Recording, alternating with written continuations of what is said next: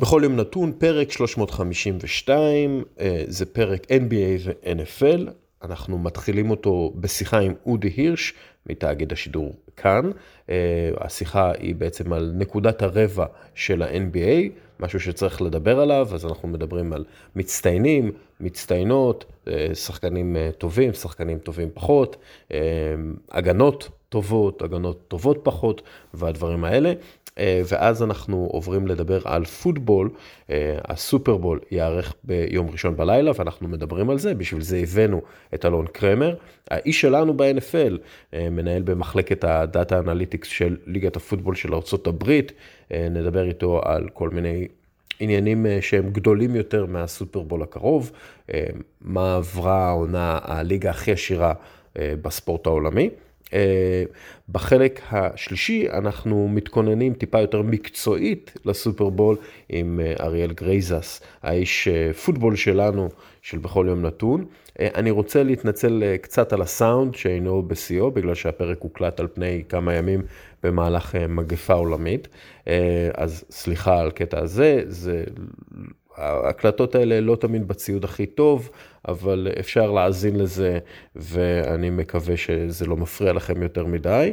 אה, ודבר אחרון, אין לנו עדיין חסות ראשית, אבל אני כן רוצה להגיד שמצבנו הנפשי של כולנו לא משהו כרגע, אבל יש מי שיכול לעזור ויש לכם עם מי לדבר.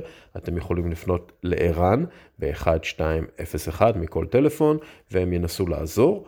אה, ועזרה לפעמים זה באמת אה, רק לדבר עם מישהו על משהו שאנחנו עוברים, אה, אתם גם יכולים לתרום לעבודה שלהם החשובה מאוד, וניתן את הפרטים שלהם בפייסבוק, אז עד כאן, ועכשיו לפרק 352 NBA, NFL, תבלו.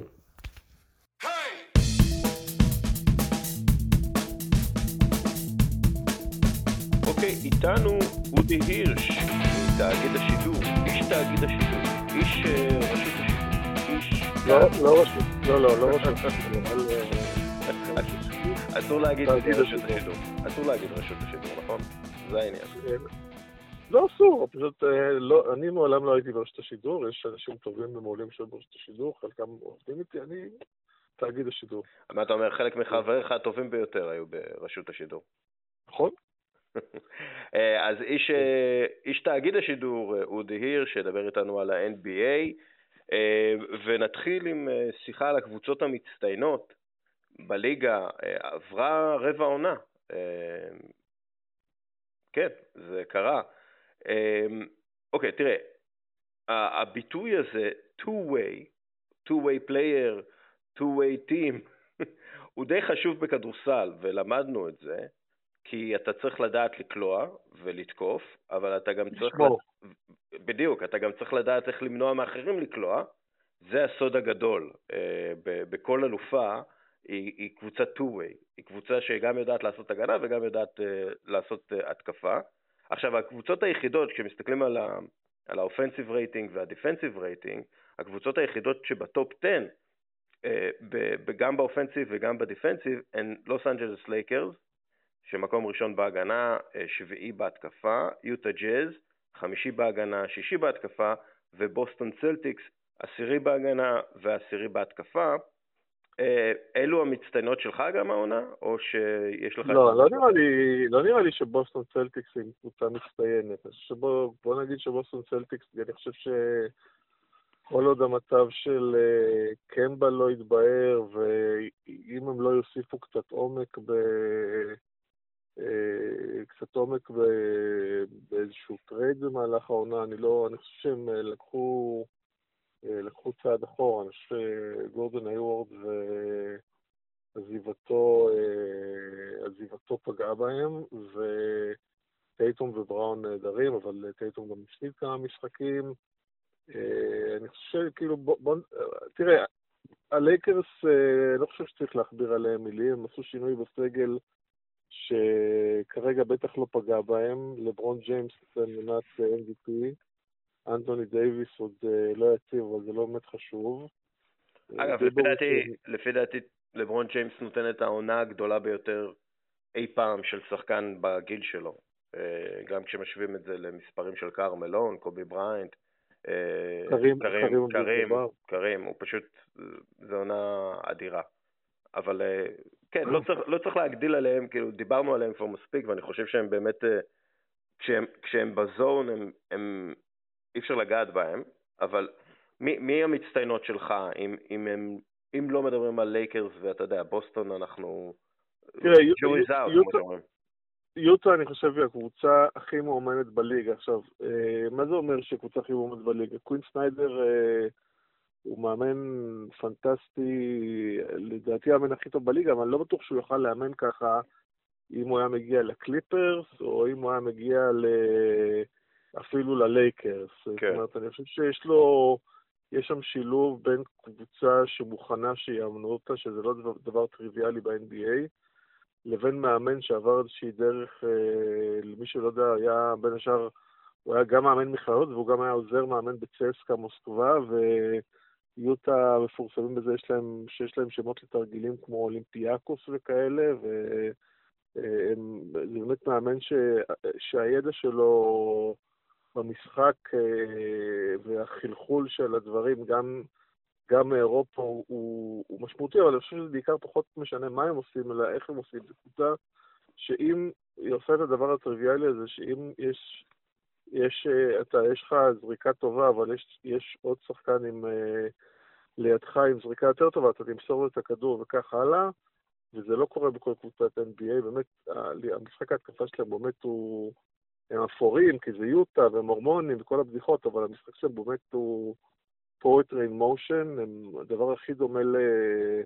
לסן אנטוניו של האליפות של 2014, לא ברמת הכישרון, אבל כן ב... באיך שהם משחקים את המשחק. עשו גם ניצחונות כשמיטשל היה פצוע, שזה בכלל אה, מרשים. אה, לא חושב שזו קבוצה שתיקח אליפות, אבל קבוצה באמת מאוד מאוד מרשימה ומאוד לא... מאוד לא מתקשרת. אה, מאוד לא, גם מאוד לא אמריקאית באופייה, כמו שאמרת, אבל גם מאוד לא אמ, במגמה שאנחנו רואים בכדורסל האמריקאי. כלומר, יש להם סנטר, שהוא איזה ג'לוב כזה הגנתי, יש להם shooting guard, יש להם point guard, יש להם small forward, יש להם power forward, זה לא, כאילו. דווקא, דווקא פה, דווקא אני חושב שנגיד, הם כן, הם אמנם החזירו את פייבורס העונה, אבל אה, אחד השינויים שהם עשו בעונה שעברה, שהם הביאו את בויאן בוגדנוביץ', שהוא למעשה ארבע שם, שהוא, שהוא לא באמת ארבע, הוא יותר אה, שלוש, או אפילו שתיים, והם כן עשו, הלכו לכיוון ה small ball ו spacing והכל, אבל... אבל הם כן משחקים כדורסל שהוא, כן יש להם סנטר אמיתי, אבל זה גם זה סנטר שפחות מקבל כדור עם הגב לסל ויותר עושה pick and roll ומסתובב, כמו בכדורסל המודרני. יש להם את ג'ו אינגלס, שהוא אולי השחקן הכי underrated בליגה. נכון. מזכיר שחקן שבמכבי תל אביב לא עלה על המגרש, אם אני לא טועה, אה, בגמר היורוליג, לא, פשוט לא היה לו מקום ברוטציה, ו... ופשוט קבוצה שמשחק כדורסל כמו שצריך לשחק, ואני חושב שזה בולט, זה לא משהו חדש אצלנו, אני חושב שזה בולט במיוחד העונה, שזאת עונה בלי מחנות אימונים, ועם הרבה קבוצות שמתגבשות תוך כדי תנועה, והרבה משחקים שהם בלואו-אוט ושלא נראים אה, עם הכדורסל הכי, אה, הכי טוב והכי נכון, וזו ליגה שיש תחושה שמנצח אה, מי שהכדור נכנס לו ולא דווקא מי שמשחק כדורסל, כדורסל נכון או כדורסל יפה. לצורך העניין, סתם הפליקאנס ניצחו את, אה, נתנו בראש למילווקי כי הם, אה, היה להם יום קליעה מדהים אה, משלוש במשחק הקודם, או לפני שני משחקים, שלונזו בול ובלדסו כלו שבע שלושות כל אחד, והלילה הם הפסידו כשהם כלו תשע משלושים, משלוש, אם אני לא טועה. אז, אז יוטה לא משחק כדורסל נכון, גם שהיא מפסידה לדנבר וגם שהיא... שיש ימים פחות טובים, היא, היא משחקת כדורסל כמו שצריך לשחק אותו, וזה ראוי להערכה בליגה הזאת. כן. אה, מי לדעתך עוד אה, מצטיין? נגיד פילדלפיה, 76ers, נראה כמו קבוצה טובה. פילדלפיה הם, הם, הם באמת אה, עשו את הדבר הנכון ש, שהוסיפו את אה, סף קרי ודני גרין והוסיפו כליאה ליד, uh, ליד אמביד וסימונס. אני חושב שעדיין uh, um, מעבר, עם כל זה שהם השתפרו, לשחק עם שני שחקנים, עם שני שחקנים כאלה ביחד זה בעיה, והבעיה בעיקר סימונס, אמביד נותן עונה, לדעתי הוא לא יהיה MVP, אבל לדעתי הוא, הוא, הוא, הוא נותן עונה של top 3 או top 4 בליגה, כן. יחד עם לברון ואולי יוקיץ' ואולי דורנט, אבל, אבל נותן עונה גדולה. סימונס, אה, למרות הבלחות פה ושם, הוא עדיין בעיה, ועדיין שחקן שעמדתו לא ברורה, ו... ו come playoff time זה יכול להיות, אה, זה, יכול, זה לדעתי שוב יפגע בהם, אבל הם נותנים עונה סולידית. אני חושב שברוקלין הם סיפור, אני חושב שהם יהיו בסדר, אבל אי אפשר להתעלם מהסיפור הכי גדול בליגה. יוסטון נותנים אה, מאז הטרייד, אה, מאז הטרייד באופן מפתיע, הם אחת הקבוצות הכי טובות בליגה, במשחקים האחרונים שלהם חמישה ניצחונות רצופים, שישה ניצחונות רצופים, והגנה מעולה, לא שזה... לא שזה יגיד משהו ב... כן, הם ההגנה, הם, הם ההגנה השנייה הכי טובה אחרי שג'יימס הרדן עזב. מפתיע, כן. לא, כן. לא מפתיע, אבל... אה, וגם, שוב, צריך לדעת אה, לראות מה קורה שם עם טאקר, ש... לפי רוב ההערכות אה, לא יהיה שם עד סוף העונה והוא רוצה לעזוב, ו...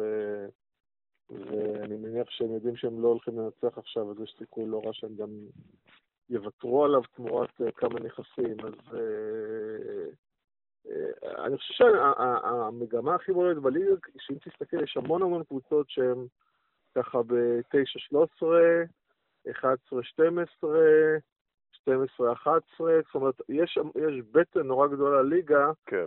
ויש שם הרבה קבוצות נגיד שהתחילו סביר, ואני מניח שימשיכו פחות סביר, ויש אה, קבוצות שהתחילו... אתה, אתה מתכוון לניו יורק ניקס? תשמע, ניו יורק ניקס, אני חייב להגיד גם, אתה יודע, אנחנו נורא מתייחסים למאמן כתפקיד מסתורי, ובאמת קשה לדעת איפה, מה המאמן נותן לקבוצה, מה השחקנים נותנים לקבוצה. טוב, טיבודו עבר אה, דברים לא נעימים במינסוטה והכל, אבל הוא מאמן. ואי אפשר להתווכח עם זה שזו קבוצה מאוד מוגבלת, ש... שהגנתית מאוד השתפרה, עושה תוצאות יפות יחסית לסגל שלה. אה, ג'וליוס רנדל נראה כמו, באמת כמו איזה around player אה, מהטובים בליגה, הוא לא, אבל הוא נראה ככה. ארג'י בארץ פתאום לא בטוח ש... לא בטוח ש... זיין וויליאמסון אה, אה, טוב ממנו בשלוש דרגות כמו שחשבו, אה, זה אומר בעיקר על זיון, אבל, אבל הם, הם, הם אחלה, הם לא יסיימו למעלה, אין לי שאלה בכלל. כן. קליבלנד אני לא חושב שיסיימו למעלה או יסיימו בפלייאוף, אבל, אבל יש, יש איזה בטן... כן. יש, כאילו, הבטן הזאת זה בעצם כאילו ה play-in. יש את הטורניר play-in הזה, וכל קבוצה בעצם יכולה למצוא את עצמה פתאום בפלייאוף. זה, זה לפי דעתי מה שקורה. אין, קודם כל אין, אין, אין tanking, כאילו, אני חושב שניו יורק הייתה אמורה להיות הקבוצה הכי חלשה בליגה מבחינת סגל, אבל uh, היא לא.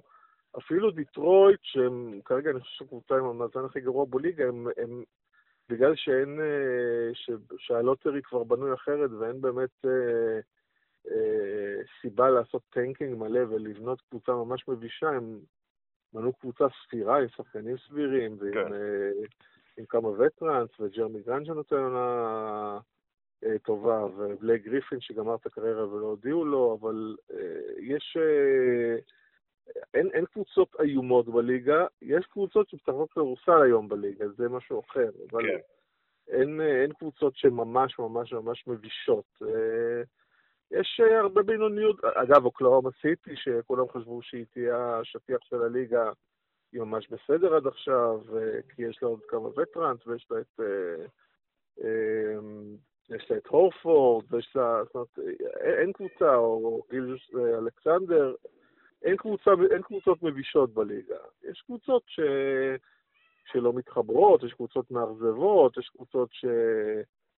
אה, ויש את וושינגטון. לא, זה, כן, וושינגטון זה, זה באמת אה, קבוצה נוראית. אה, ב net rating, הם הקבוצה הכי גרועה, אבל הם כרגע נראה לי קבוצה הכי גרועה, סליחה לדיטרויט, כן. אה, הם הכי, לא, הם הכי גרועים, אבל אוקיי, יש להם גם את הנסיבות שלהם, אתה יודע, חצי מהקבוצה לא, כן. לא, שרד, לא שרדה את מגפת הקורונה, כולם נדבקו כן. שם, זה גם כן בעיה, אבל ב net rating, אגב, המובילה בליגה היא לוס אנג'לס קליפרס, שבמקום השלישי בהתקפה, ובעשירייה השנייה הגבוהה בהגנה, כלומר, תמיד כזה בין מקום 13 ל-11, הרבה בגלל אותו, אותה תבוסה מביכה נגד דאלאס, שזה גם כן תופעה בליגה כזאת, פתאום תבוסות, מילווקי מפסידה ב-20 הפרש ל-whatever, ודברים כאלה קורים. אה, וזה מביא אותי לשיחה על השחקנים המצטיינים, כשאנחנו מדברים על two-way players, אה, קוואי לנארד ופול ג'ורג' הם המועמדים הבולטים לתואר אה, תואר של בכל יום נתון ל-two-way player של השנה, שניהם כאלה. אתה, אתה מתרשם מהעבודה של לו, של טאי לו כמאמן, אה, אתה רואה איזשהו הבדל, פתאום הם נראים לך פחות מקושקשים נגיד מהשנה שעברה, אולי יש יותר spacing בגלל שהרל לא שם, מה, מה, הם, מה, הם, מה הם, הם, הם עושים דברים קצת אחרים בהתקפה, פחות את התרגילים שהוא, אה, שהוא עשה בקליב, בקליבלנד, אני חושב שבעיקר כרגע מה שבולט ב, אה, בקליפרס זה שקראתי איפשהו ש... אה, פעם אמרו על, על פול ג'ורג' שיש Playoff P, זה לא כך קורה בשנים, זה קורה לשלילה בשנים האחרונות, כי הוא די, אה, כאילו, כן. האחרון היה מזעזע, אז יש את ה Pandemic P, כן. שזה, שהוא ממש, הוא, הוא יותר טוב מקוואי לאונרד עד עכשיו העונה, והוא הוא, הוא נראה מדהים, אני חושב שזה הדבר העיקרי, ועדיין, הקליפרס, זאת אומרת, הם קבוצה ברמת חומר השחקנים, שאמורה להיות אחת מ...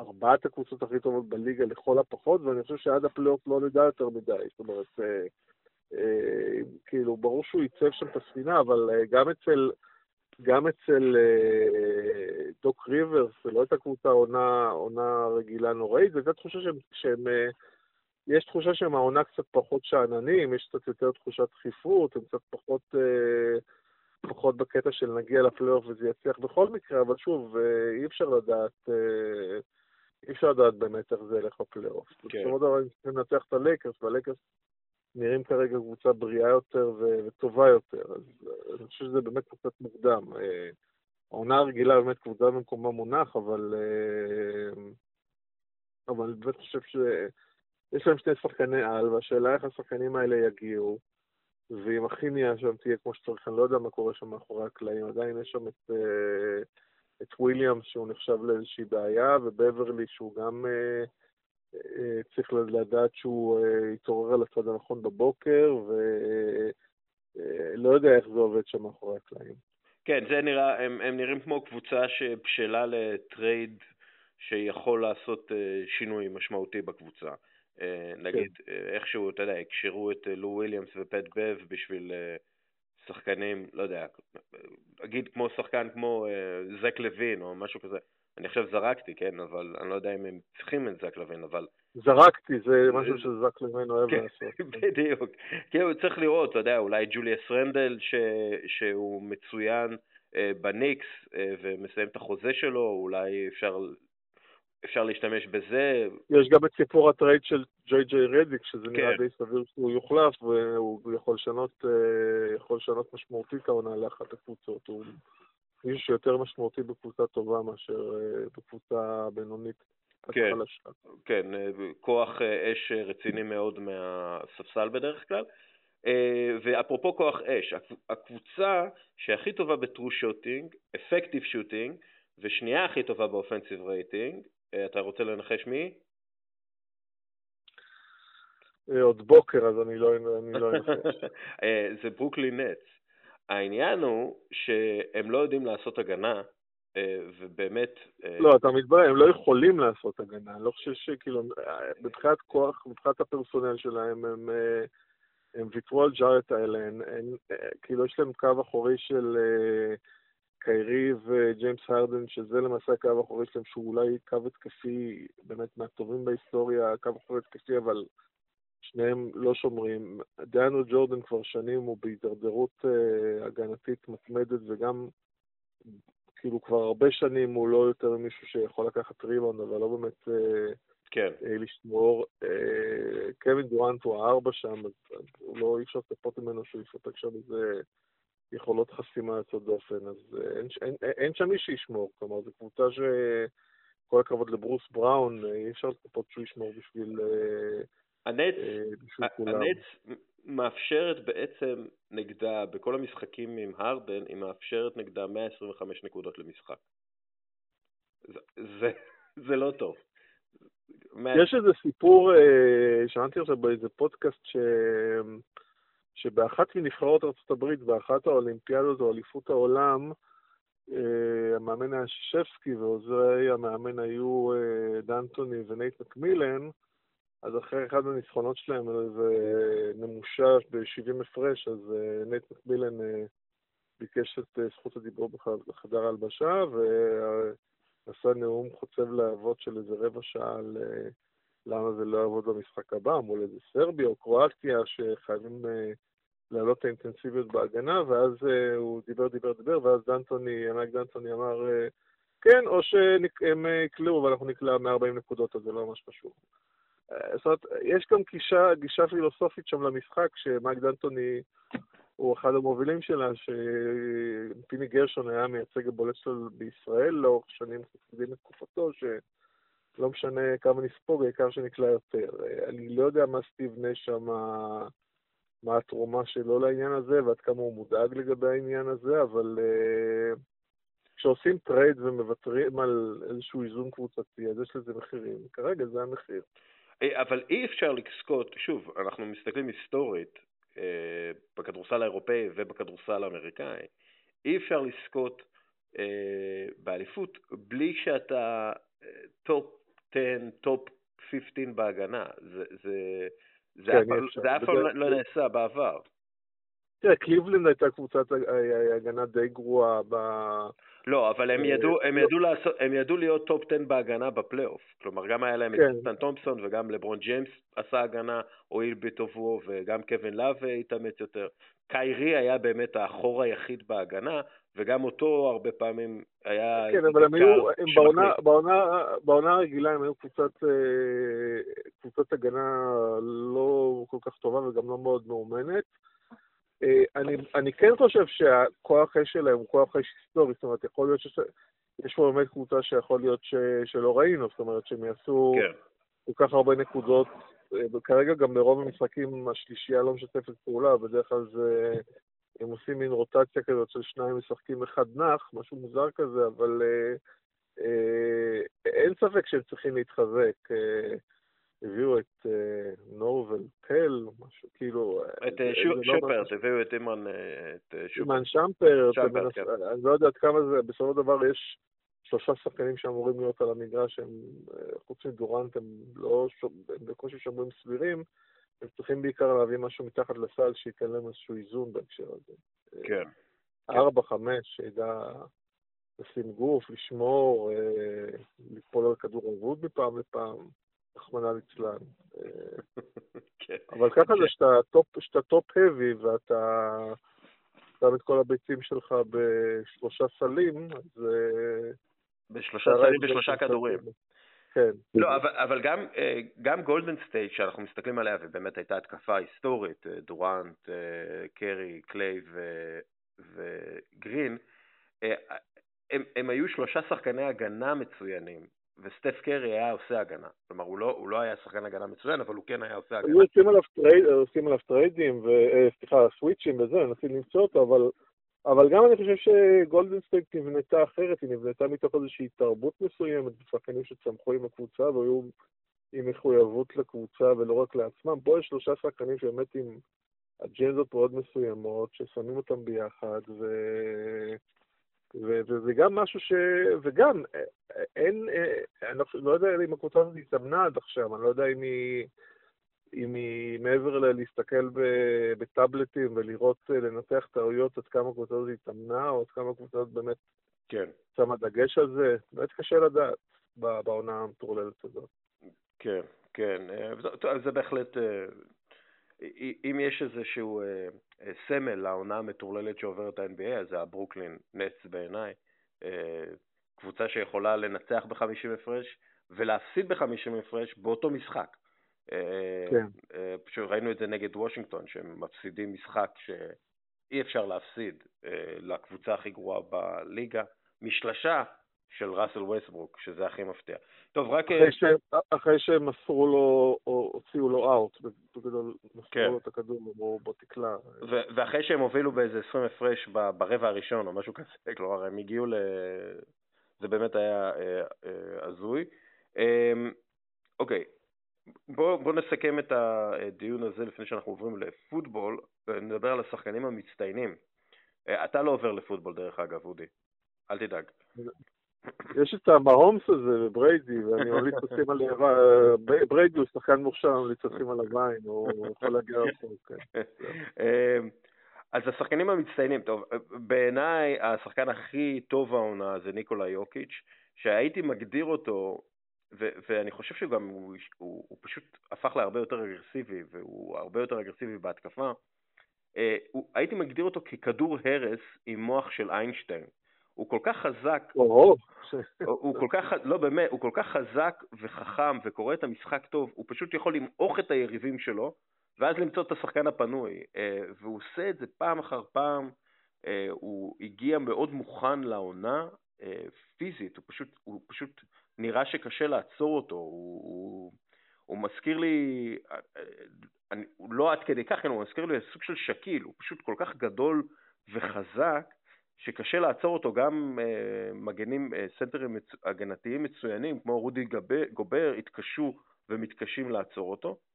אה, אגב, אין, אין סטטיסטיקה על זה, אבל אין סטטיסטיקה על זה, כלומר, אני חושב שיש סטטיסטיקה כמעט על הכל, אבל מעניין אותי לראות סטטיסטיק, סטטיסטיקה כמה התקפות הוא מוביל כדור, הוא מוביל כדור ומתחיל את ההתקפה. כלומר, יש, יש, יש את הרושם שככל שהשנים עוברות, כן. אה, עם כל הכבוד לג'מאל מרי, שנותן עונה פחות טובה, אחרי הפלייאוף חשבו שהוא הפך לסופרסטאר, הוא לא הפך לסופרסטאר, אבל יש, יש תחושה שיוקיש הוא ממש הרכז של הקבוצה הזאת, לא רק כי הוא הרכז כי הכל עובר דרכו בהתקפה המסודרת, אלא הוא הרבה פעמים פשוט מתחיל את ההתקפה, הוא מוביל כן, כדור כן. ומתחיל את ההתקפה כ- כרכז, זה משהו עם כל ההשוואות לסבוניס וביל וולטון וסנטרים מוסרים גדולים מהעבר, או דיווה, שהוא קצת רמה אחרת, יותר נמוכה, אבל זה מה שהם לא היו עושים, הם לא היו מובילים כדור כמו, כמו ניקולה יוקיץ'. אה, כן, הוא, הוא יכול, זה, זה, זה הקטע הכי מדהים אצלו, שהוא יכול לכסח אותך בצבע, ואז אתה,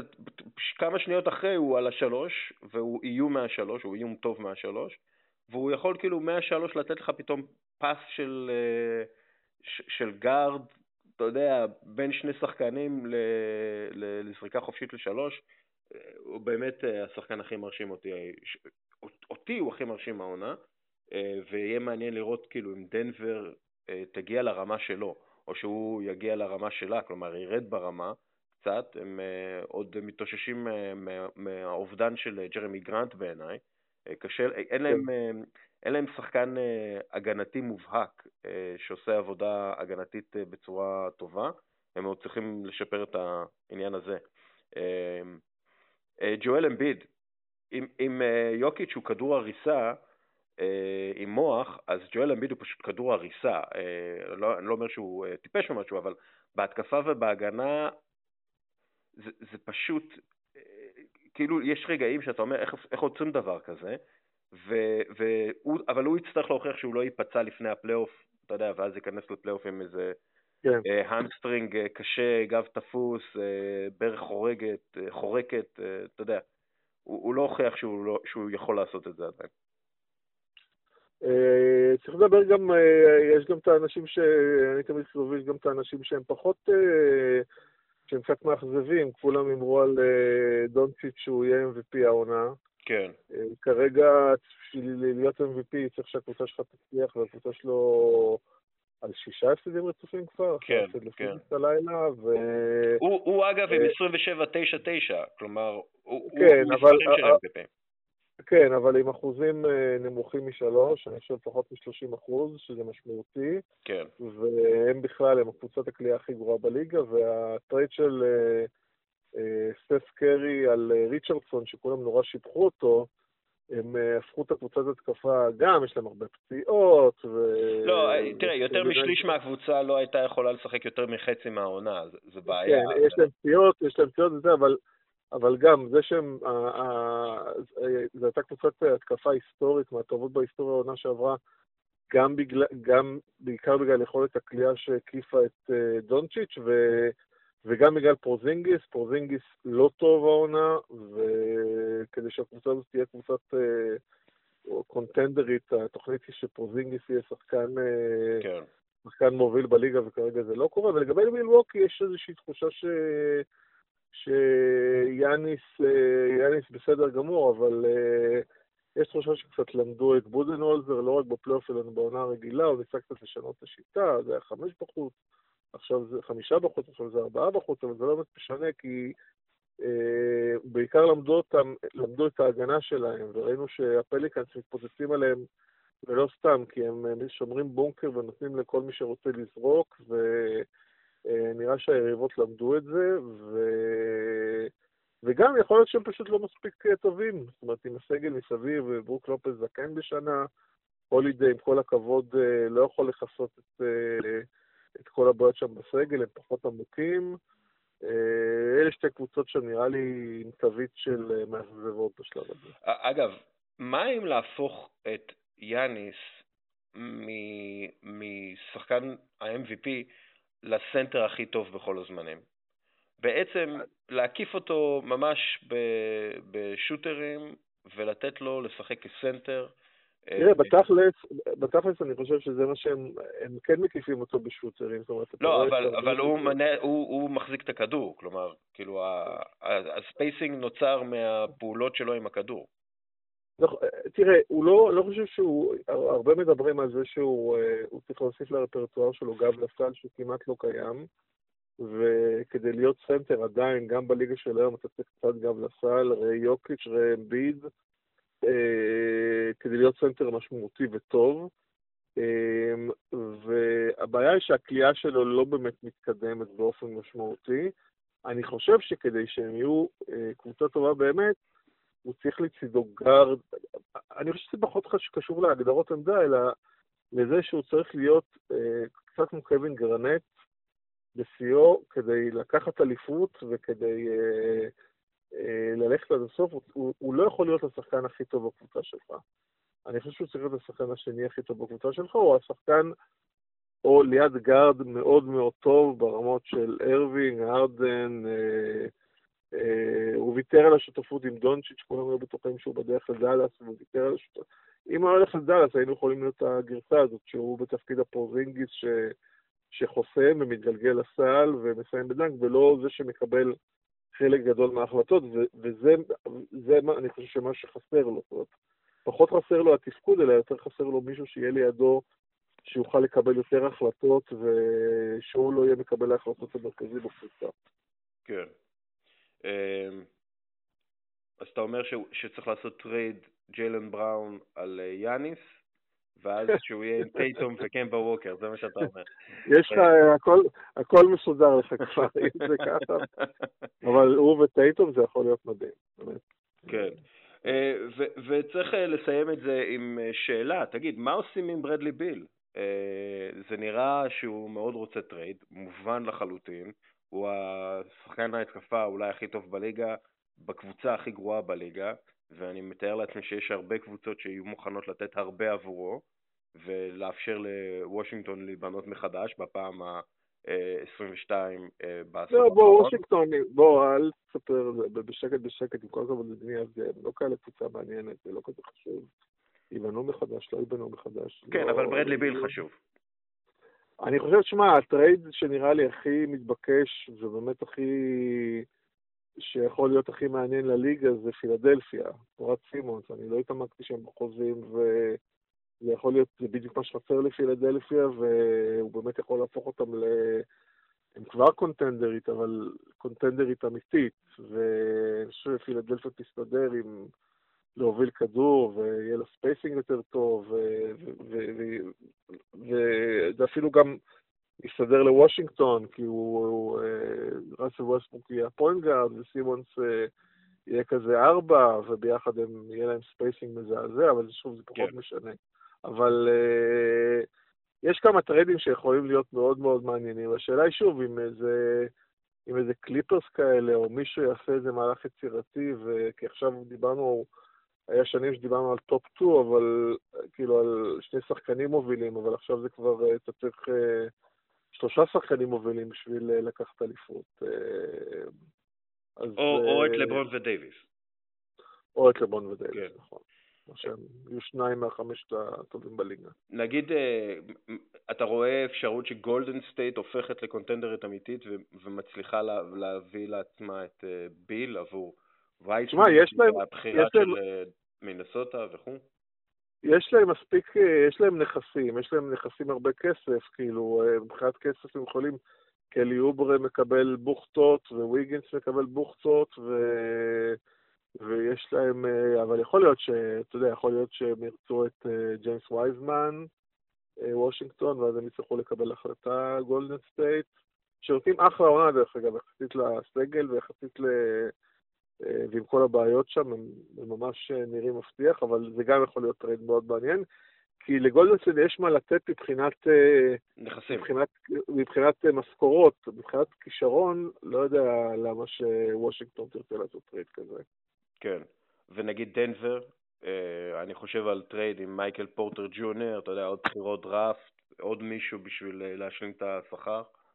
גם אחלה, גם, אני, אני בעד. זה יכול להיות אחלה, אחלה trade ואחלה קבוצה. אבל שוב, אני חושב שהשאלה היא, הוא לא, היו לו כמה התבטאויות בניגוד לכוכבים אחרים, אני לא מכיר את אופיו של ברדלי ביל, אבל בניגוד לכוכבים אחרים שהם באמת אה, אמרו, כמו הרדן שפשוט אמר, אני רוצה trade, ודייוויס בניו אורלינס שפשוט... הרדן אמר, אני רוצה, אני רוצה trade, ואני, תמצאו אותי במועדון חשפנות. כן, ברדלי ביל, יחסית לחבר'ה האלה, הוא, הוא, הוא בינתיים מתנהג כמו ילד טוב, הוא, הוא מביע תסכול, ואני לא חושב שלוושינגטון יש אינטרס, כי מה שוושינגטון לא תעשה, היא לא תקבל שחקן ברמתו של ברדלי ביל, ואני, אני, אה, ויש שם בעיה, אני חושב, של, גם של מאמן וגם של general manager, שייכנסו עכשיו ל rebuild, אני חושב ששניהם בשנת חוזה, אז הם פחות או יותר מצהירים, נכשלנו, וגם אותנו צריך לזרוק הביתה. כלומר, אני חושב שכל עוד הוא לא יבוא ויגיד, אני רוצה trade,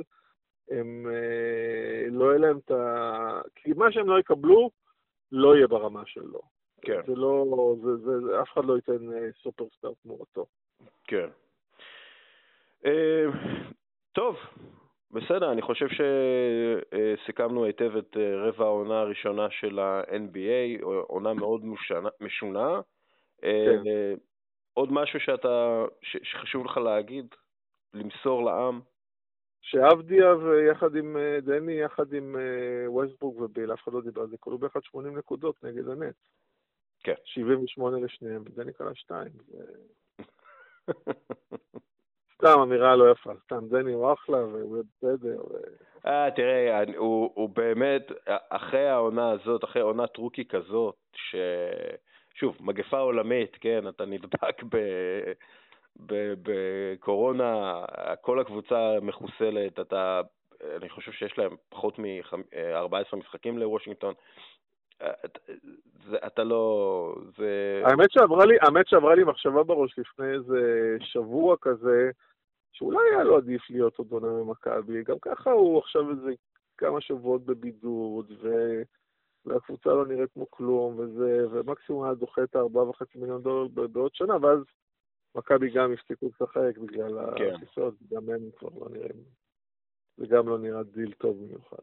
אה, לא, אבל אה, אם, אם, אם ללמוד משהו, אם להתגלח על הליגה, אז בעונה כזאת. כלומר, מגלחים כן. אותך, כולל אה, חתכים, הכל, אתה כן. בשנה הבאה כבר, אתה יודע, תהיה מוכן יותר. כן, בהחלט. Uh, טוב, אודי, תודה רבה. תודה. יאללה, ביי. אוקיי, איתנו עכשיו אלון קרמר, שהוא מנהל במחלקת ה data analytics של ה-NFL, היינו ליגת הפוטבול. והוא ידבר איתנו על עונת הפוטבול שעברה אה, בזמן פנדמיה עולמית, והסופרבול הקרוב, יום ראשון בלילה. אהלן, אלון, מה נשמע? היי אוריאל, איזה כיף להתארח פה, תודה רבה. וכן, יום חג אה, מתקרב אלינו. מה שלומך? אה, אני בסדר גמור. אה, אתה הולך לחגוג את זה ב- בישראל או בניו יורק? איפה אתה תהיה בדיוק? בישראל. אני כבר קרוב לשנה עובד בליגה, ועדיין לא הגעתי יום אחד למשרד בניו יורק. אז, אז אתה אומר בעצם לכל האנשים שמאזינים לנו ורוצים לעבוד ב-NFL, הם יכולים לעשות את זה מביתם שבחיפה. זה מה שאתה אומר בעצם. אני אומר שזה מאוד קשה, אבל אם אני עשיתי את זה, אז זה מוכיח שזה אפשרי. וכן, זה הרבה עבודה קשה, אבל, אבל אפשר, ואני מאמין שאתה יודע, אני אולי פרצתי דרך, ואחרים יעקבו. אה, בהחלט. בוא רק תסביר לנו קצת מה, מה זה בדיוק אה, להיות מנהל במחלקת הדאטה אנליטיקס של ה-NFL, מה זה אומר? כלומר, מה אתה עושה? אוקיי, okay, אז האמת היא שאני הצטרפתי בתקופה משונה. אה, כל הפרויקטים שאני התעסקתי בהם אה, סבבו, סביב הקורונה. אה, אז אני יכול להגיד לך שהתפקיד, הטייטל הוא מחלקת ה-League Wide Analytics.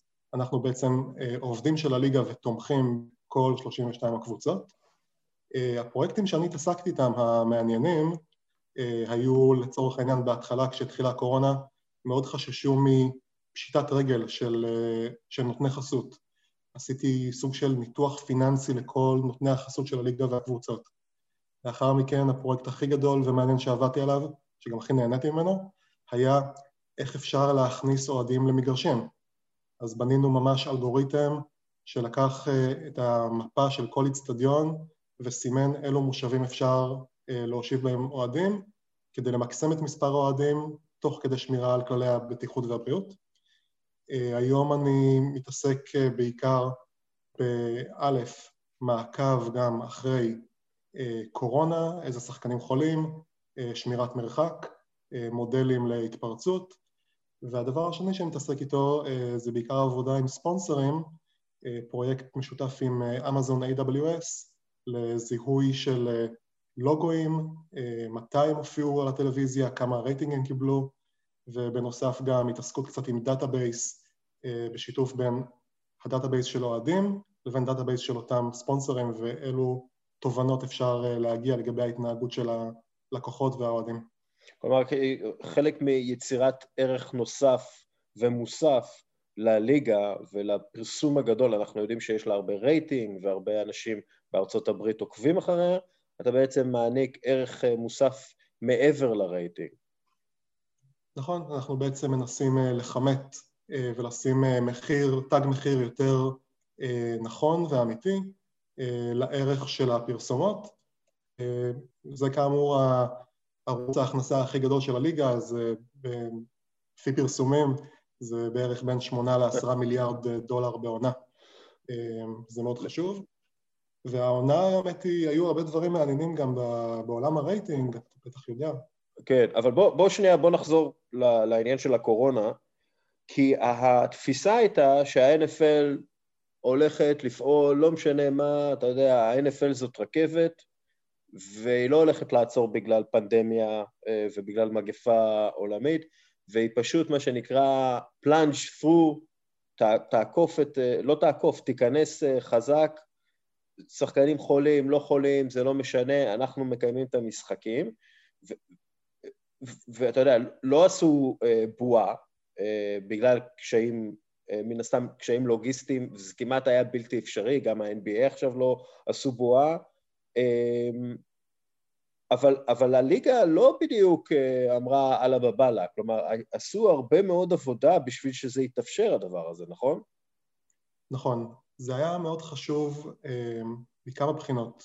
כמובן הערך הכלכלי, פיננסי, שהליגה תתקיים, אה, אבל גם מי שמאזין לנו יודע שפוטבול בארצות הברית הוא לא סתם עוד ענף ספורט, הוא בגדר דת.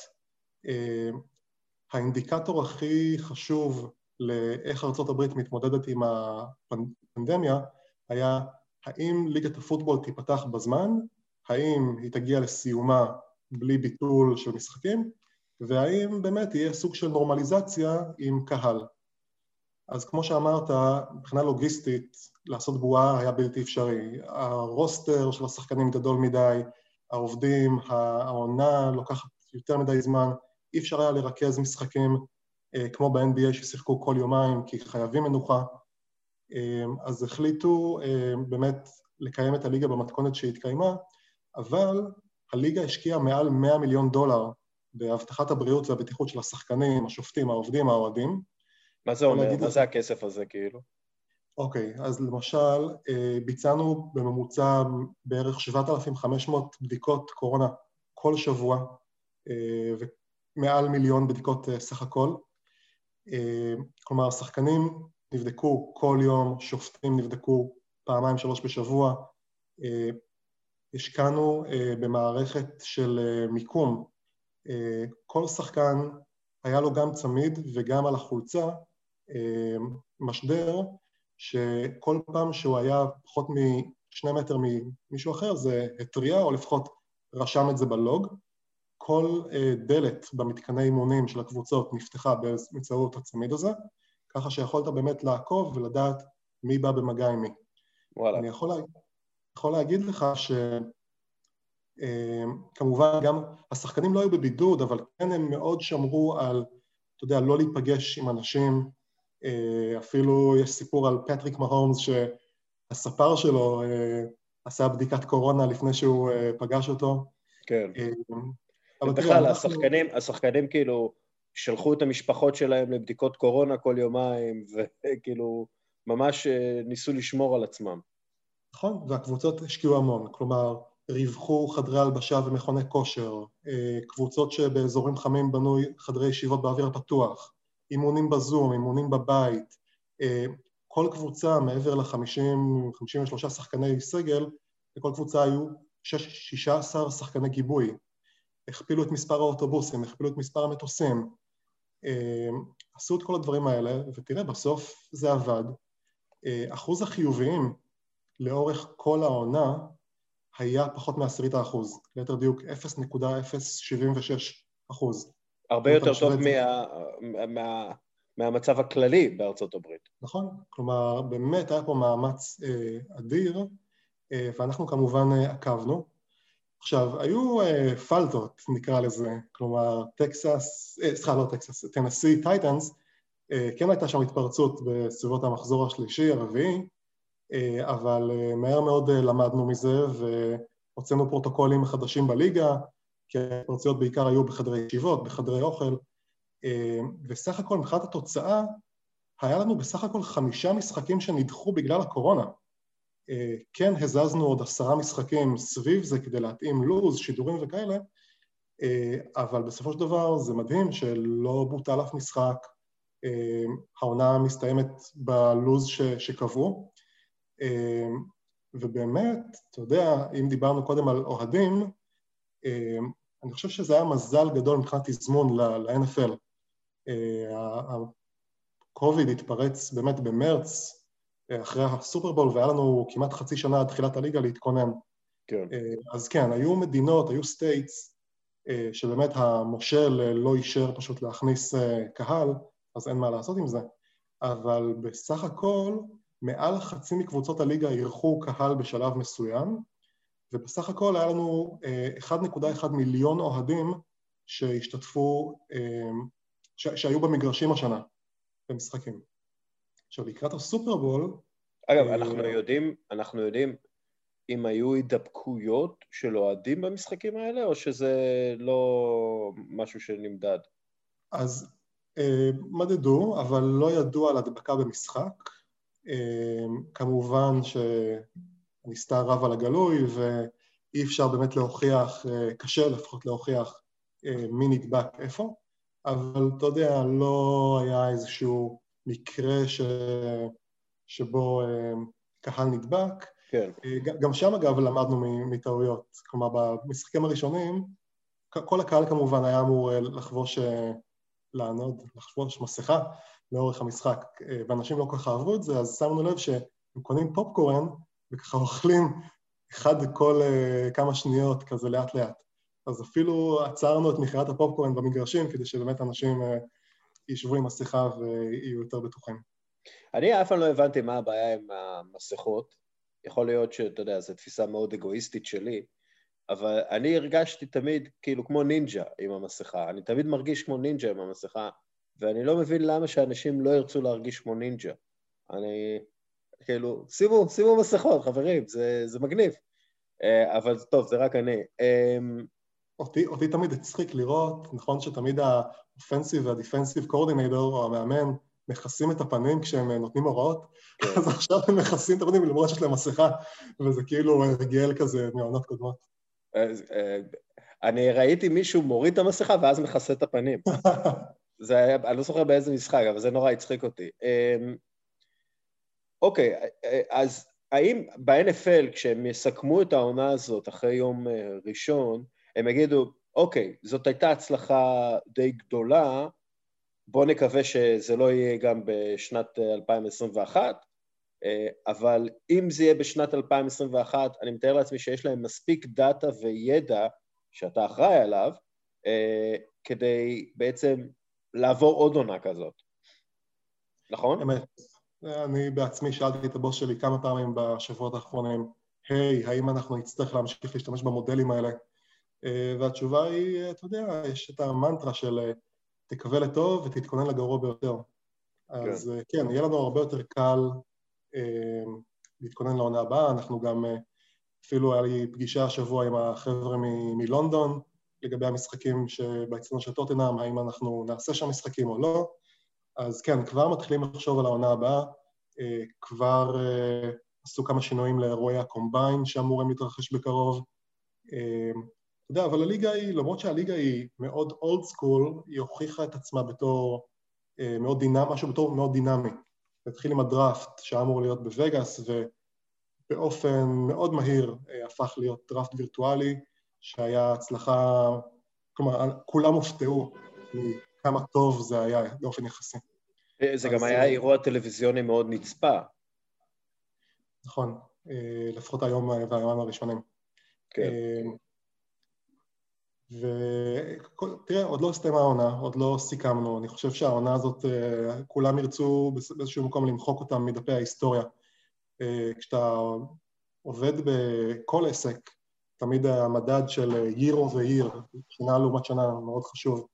והשנה הזאת היא מאוד, אה, היא outlier, אז אני חושב שכן, היא, היא תוכתר כהצלחה, כי הציפיות היו מאוד נמוכות, אף אחד לא ידע מה לצפות, אבל אנחנו כן אה, נרצה לחזור לשגרה כמה שיותר מהר. אבל יש לנו עוד משחק, משחק אחד גדול אה, לפני שאנחנו מסיימים את העונה הזאת ועושים את הסיכומים. כן, אה, המשחק המאוד גדול הזה, נדבר קצת, כמה, כמה הוא גדול? בוא תן לי, אתה איש של מספרים, תן לי, תן לי במספרים בעצם כמה הוא גדול, כמה האירוע הזה עצום ביחס לא רק לאירועי ספורט, אלא ביחס לאירועים בארצות הברית. אני חושב שכל בן אדם שני בארצות הברית אה, צופה במשדר הזה. תראה, האמת היא, לפני שהם נכנסים למספרים, הייתי מסכם אותו בצורה איכותית. Uh, הכותרת שלי למשחק הזה זה, זה בריידי נגד מהומס, זה The greatest quarterback now against the greatest quarterback ever. Uh, זה יהיה מאוד מעניין. תראה, יש פה עניין של גם הקבוצה אה, מארחת שמגיעה לסופרבול פעם ראשונה בהיסטוריה. אה, אנחנו, כל הלוגיסטיקה מסביב, אה, אגב דיברנו קצת על קהל, אה, האצטדיון של טמפה אה, מכיל בסביבות ה-65 אלף מקומות, אה, לפי המודלים שלנו לאורך כל העונה ניסינו להכניס לשם בערך 14-15 אלף אה, איש בכרטיסים. אה, אבל מה שעשינו בנוסף השנה, זה מאחר ועובדי מערכת הבריאות בארצות הברית כבר התחסנו, אה, וכאות אה, הוקרה ותודה להם, אז אנחנו מזמינים גם, כרגע 7,500, יש ניסיון להזמין גם 10,000 אה, עובדי בריאות שיוכלו לשבת ללא ריווח, ובעצם ככה להגיע ל-25,000 איש. אתה יודע, האירוע הזה כל כך גדול, יש את ה-half-time show, הפעם יהיה עם The Weekend, ויש לך כל כך הרבה עובדים שצריכים לרוץ ובזמן קצר אה, להיות אחד ליד השני, אה, אז גם מוודאים שכל מי שהולך לעבוד יהיה מחוסן או כאלה שיש להם בדיקה סרולוגית עם נוגדנים, אז זה יהיה שונה.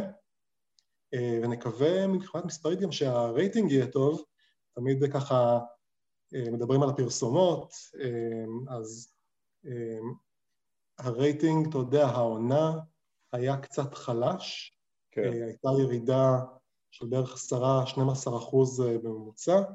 בפוטבול זה הרבה יותר טוב מענפי ספורט אחרים, אני יכול להגיד לך שב-NBA, הוקי, בייסבול, הייתה ירידה של צפונה ל-30 אחוז. כן. ככה שהפוטבול מוכיח את עצמו ככן יחסית חסין, אבל זאת הייתה פשוט שנה משוגעת. כלומר, כן. כן, אנשים היו בבית, לא הגיעו למגרשים והיו צמאים לספורט, מה שמעלה סימן שאלה, אבל התשובה היא שהחדשות והאירועים הפוליטיים, חברתיים, שקרו בעולם ובארצות הברית בפרט, פשוט גרמו לכך שערוצי החדשות קיבלו, קיבלו עלייה של 40 אחוז ברייטינג. כן. CNN דיווחו השנה שהם הגיעו לשיא כל הזמנים בצפייה. אני חושב שעם כל ה-Black Lives Matter וטראמפ, ושהוא חולה, ושההדחה, ובחירות, וזה שאנשים בעצם לא יודעים, האם אני שולח את הילד שלי לבית ספר שבוע הבא, גרם לאנשים באמת להיצמד למסכים ולראות חדשות. דבר נוסף שקרה זה כל המעבר המעניין של מטלוויזיה, מרשתות אה, מסורתיות, ל-OTT, לשידורי הסטרימינג. אז, אז שנייה, בוא, בוא, לפני שאנחנו עוברים לסטרימינג, בואו שנייה קצת נדבר על הרייטינג, בגלל שהרייטינג הוא נותן לנו מעין, אה, אה, מעין הלך רוח כזה שאנחנו יכולים דרכו לזהות מגמות בחברה האמריקאית הרבה פעמים. אגב, דרך אגב, לפי CBS, אה, אתה יודע, רייטינג או לא רייטינג, כל זמני הפרסומות אה, לסופרבול נמכרו בסביבות אה, חמישה מיליון דולר, חמישה וחצי מיליון דולר, כלומר, זה מה שנקרא, ברוך השם דופק, אבל אנחנו יכולים לדעת מי למשל היה סיפור גדול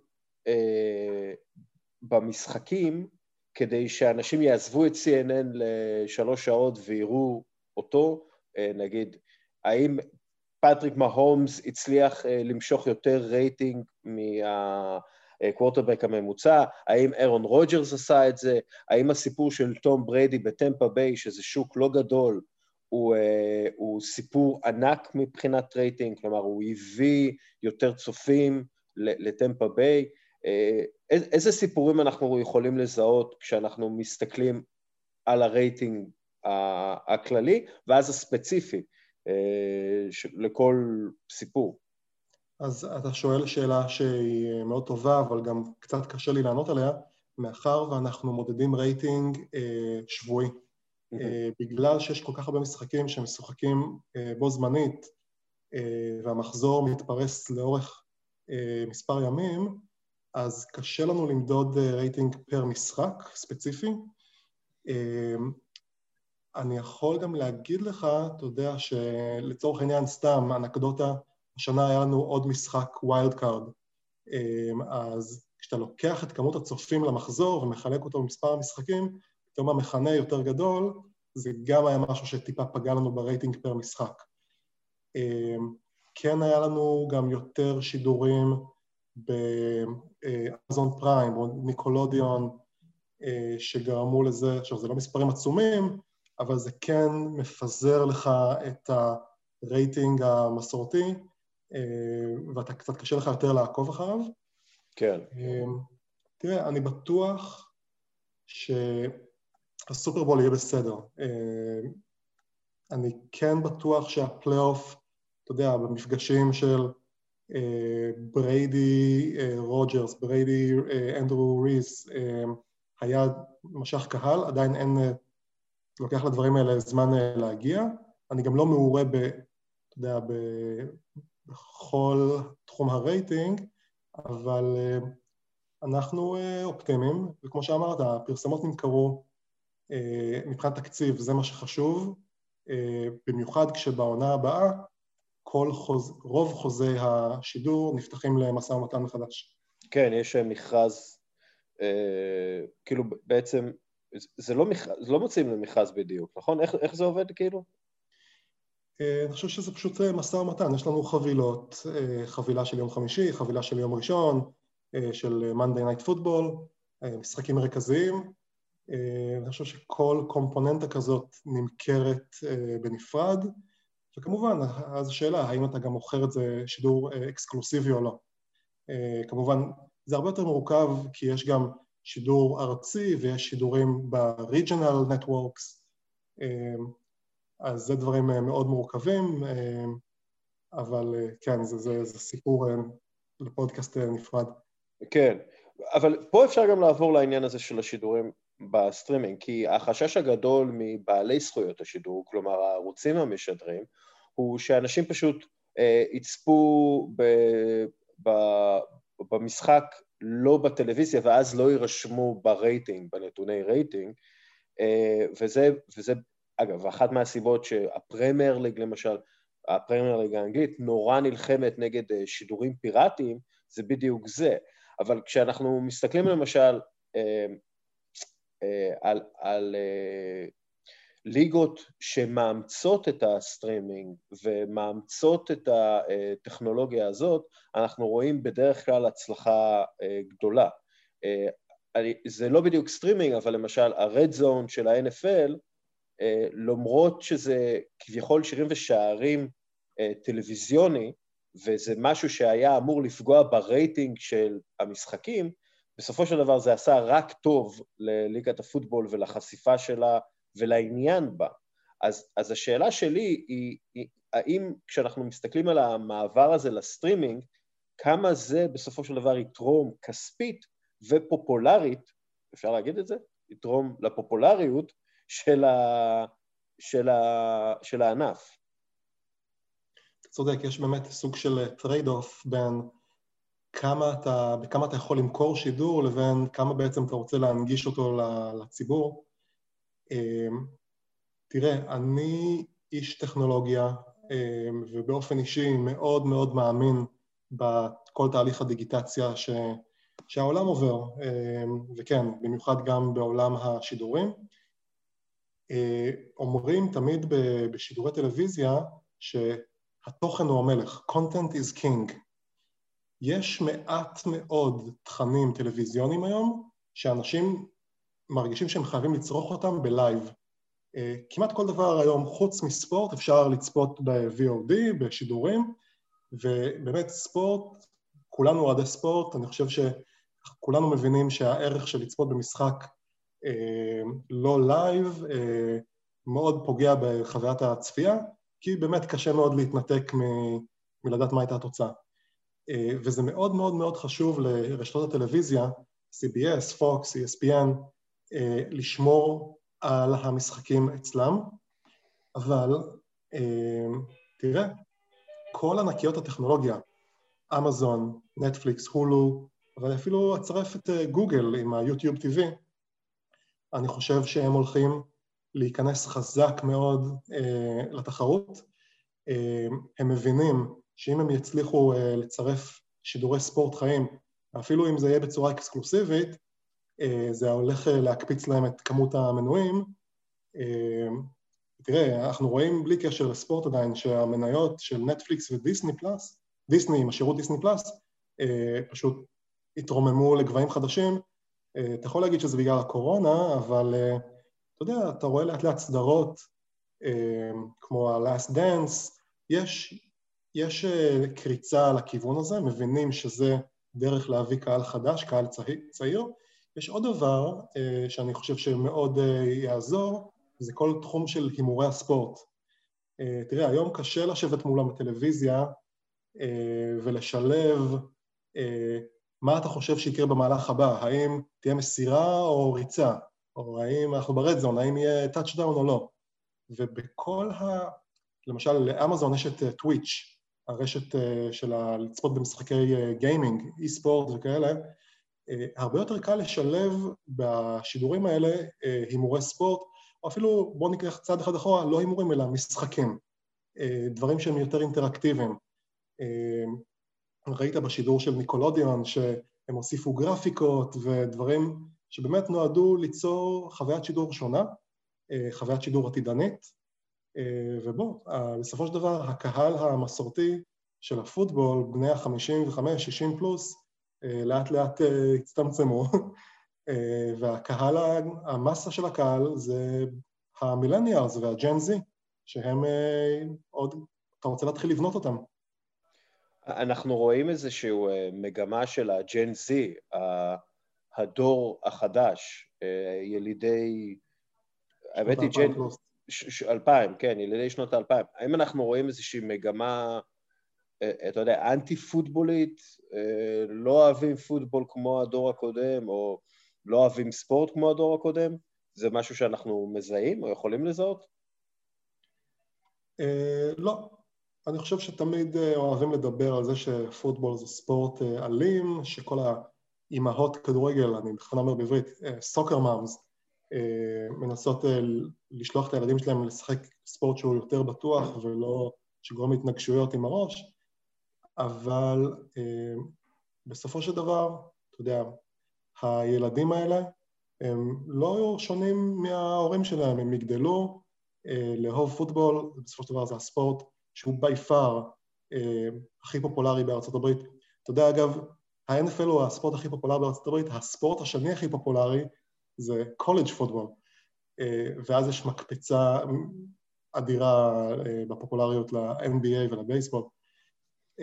תראה, הספורט נהיה יותר בטוח, הטכנולוגיה של הקסדות והמגינים משתפרת עם הזמן, החוקים שמכניסים נועדים, נועדו לשמור על שחקנים, וכמובן שכשאתה ילד בארצות הברית, אתה לא ישר משחק טאקל פוטבול, אתה מתחיל מפלאג פוטבול, ואני חושב שבאמת, אתה יודע, עוד לא רואים את זה כי זה לוקח זמן, אבל כן, עשר, עשרים שנה מהיום, כל הג'ן זי יהיה הקהל, הבסיס החזק של, של הפוטבול העתידני. השאלה אם יצטרכו, אתה יודע, לעשות כזה משחק פוטבול, אתה יודע, בלי נגיעות, או עם הולוגרמות, או משהו כזה, זה, ה... זה השאלה, לא? וטום בריידי כמובן יהיה ההולוגרמה המובילה, כן? שזה יהיה... היי, hey, אולי הוא עדיין ישחק. כן.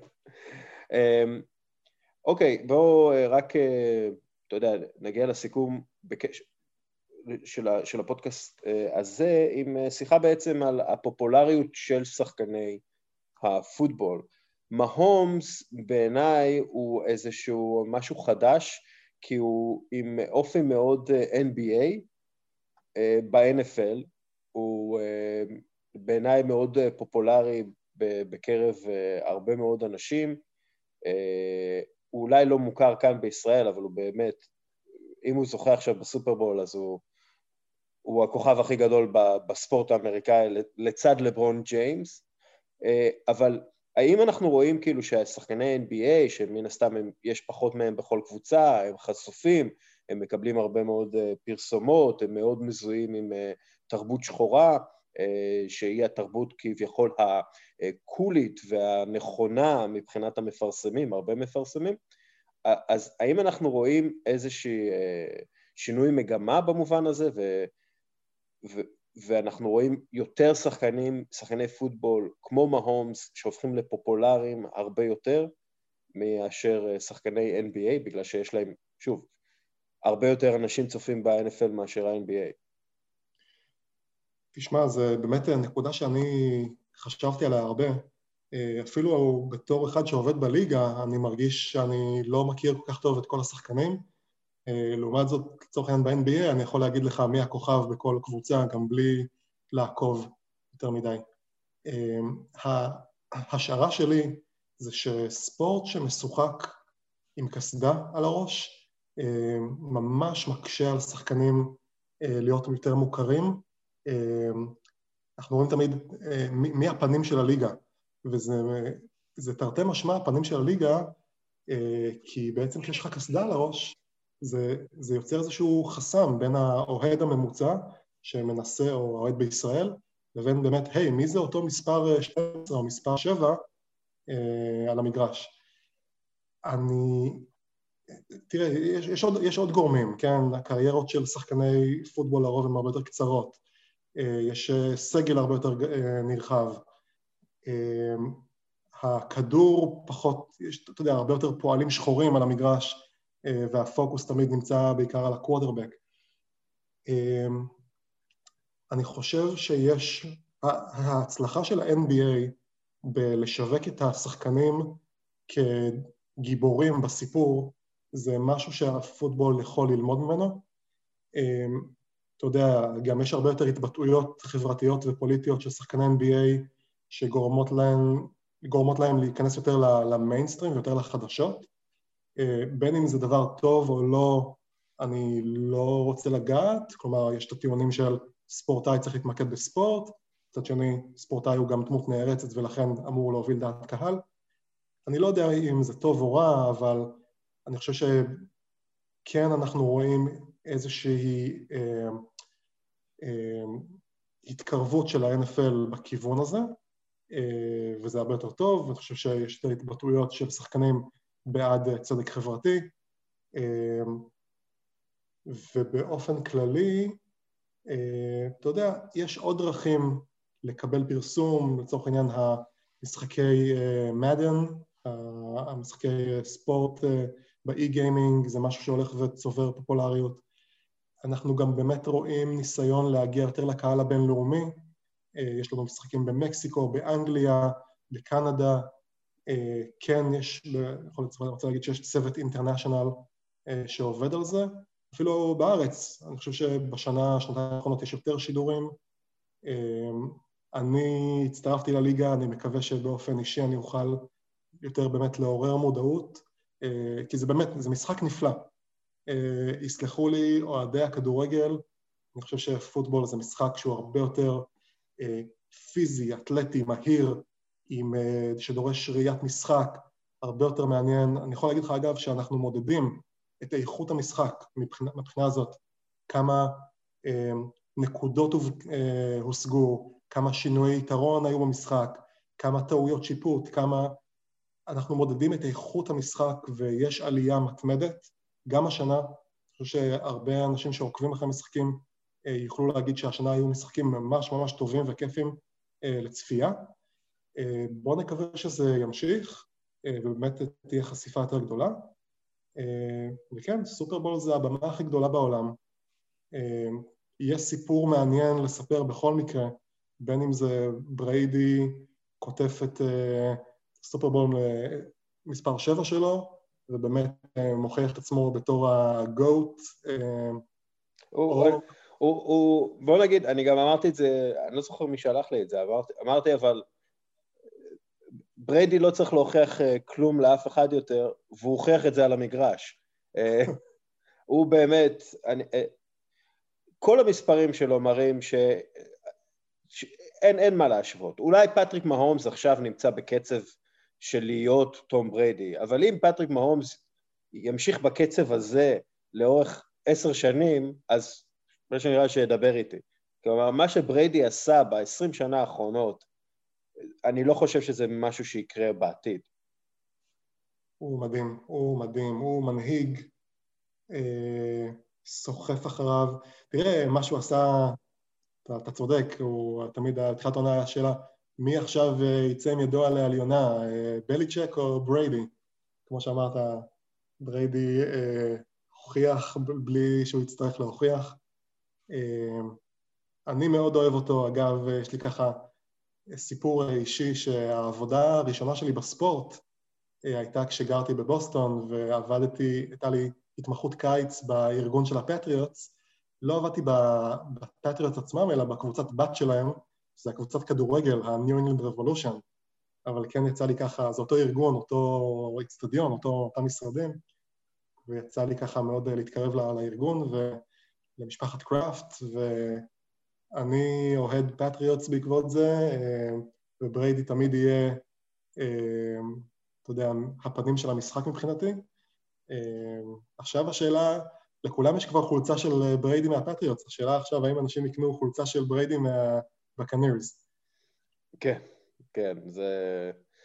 אני מאמין, אני מאמין שפחות, אבל בכל זאת, טמפה ביי זה לא בוסטון. גם מבחינת אהדת הספורט וגם מבחינת גודל השוק ואתה יודע. אמ, הנוכחות שלו, אני, בוא נגיד שפה בישראל רוב האוהדי פוטבול הם, לא רוב, סליחה, הרבה מאוהדי הפוטבול הם אה, אוהדי ניו אינגלנד. אני לא... וכל השאר שונאים אותם. כן, אני לא, אני לא מכיר מישהו שאוהד טמפה, אפילו כשבריידי שם. נכון. נכון. אה, אה, אוקיי, עוד איזה משהו שאתה רוצה ככה להעיר, להגיד, לספר? תשמע, הייתה לי אה, באופן אישי שנה חווייתית מאוד. לא ציפיתי שהיא תהיה, תהיה, תועבר רובה בישראל, חשבתי שאני כבר אהיה מבוסס בניו יורק, במשרדי הליגה, אבל שנה חווייתית מאוד. אני אה, באמת, אה, לא רק שאני הגשמתי חלום אה, אישי להגיע לעבוד בספורט ברמה הכי מקצועית בעולם, אני באמת רואה את עצמי בתור איזשהו אה, שגריר, ואני רוצה באמת לה, להפיץ את, ה, את הבשורה של, היי, hey, זה, זה אפשרי. אה, זה עבודה קשה, שמעתי, זה גם מרתון, כלומר זה לא קרה בן לילה, זה לקח לי שנים להגשים את החלום הזה, אה, אבל אני מאוד אה, שמח, אני, אתה יודע, יש קבוצת פייסבוק מאוד גדולה של אוהדי פוטבול אמריקאי בישראל, שאני כן. אמנם לא כל כך מעורב, אבל אני עוקב. אני כן הייתי רוצה להאמין שבשנים הקרובות אני אשאר בליגה, אתפתח שם, אני באתי מעולם ההייטק, ואני, יש לי חלום שא', אה, אולי יש שיתופי פעולה בין סטארט-אפים, יש הרבה סטארט-אפים בארץ של ספורט טק, אה, שיהיה להם שיתוף פעולה עם ה-NFL, וכמו הרבה חברות אמריקאיות, אולי אפילו לפתוח איזשהו innovation center בישראל, אני יודע שיש פה אנשים שחולים על פוטבול, אוהבים ספורט באופן כללי, אה, וגם עם חוש טכני, טכנולוגי, אתה יודע, ישראלים הם...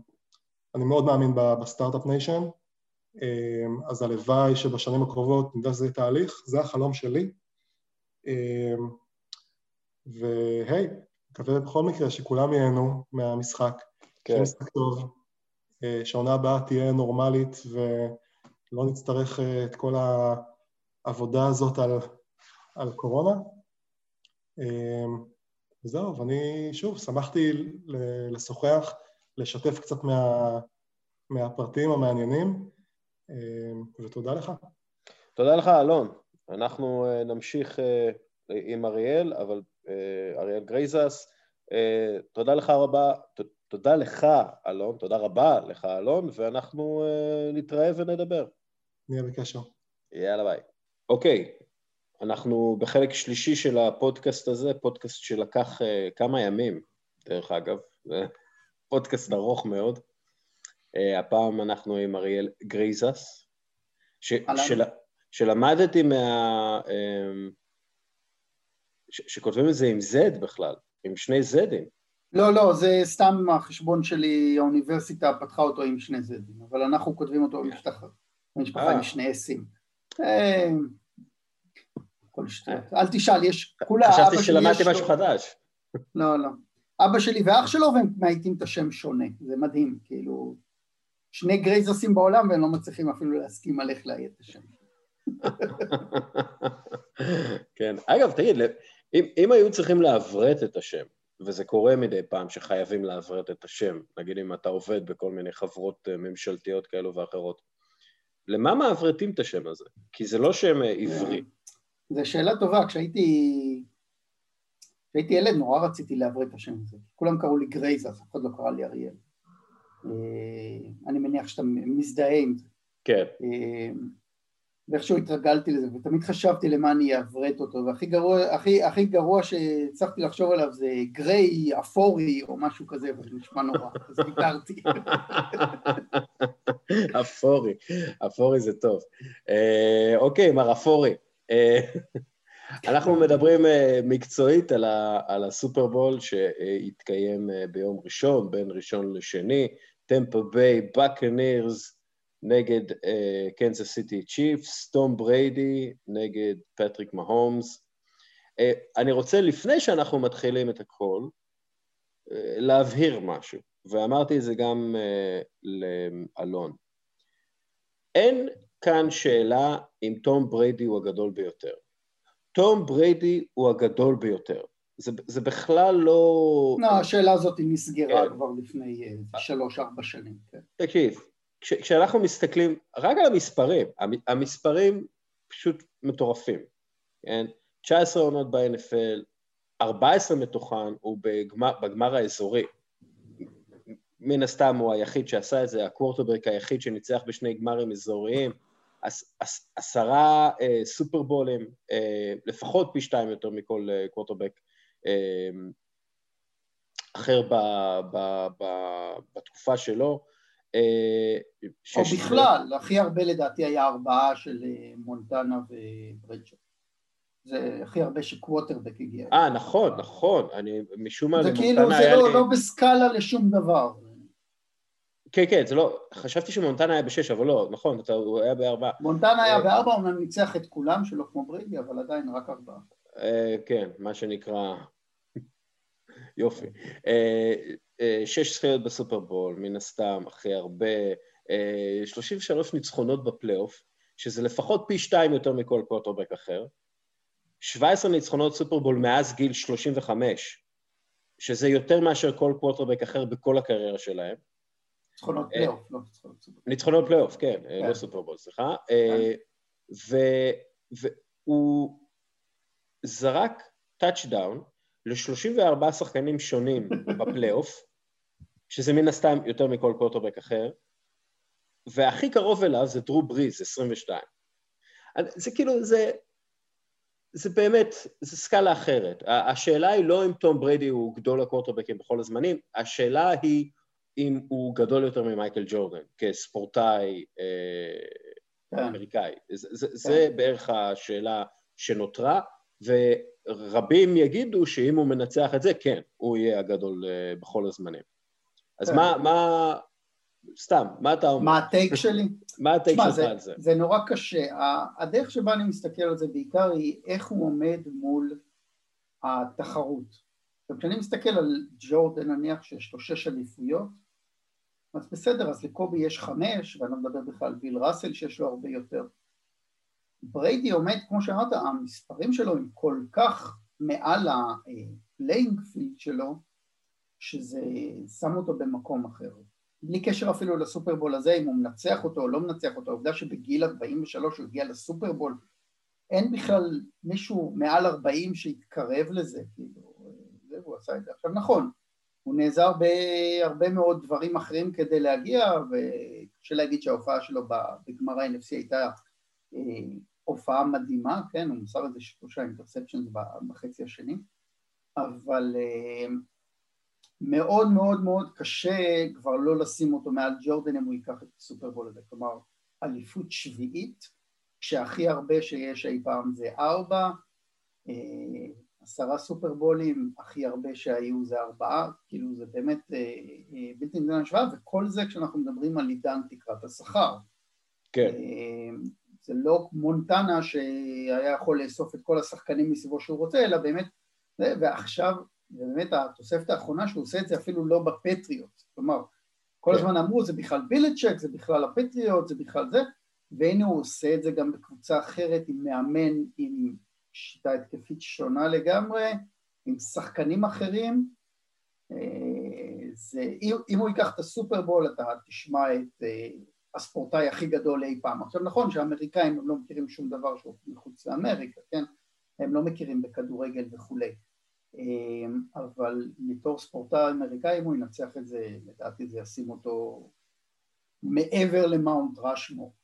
כלומר הוא כבר נמצא במאונט רשמור עם ג'ורדן.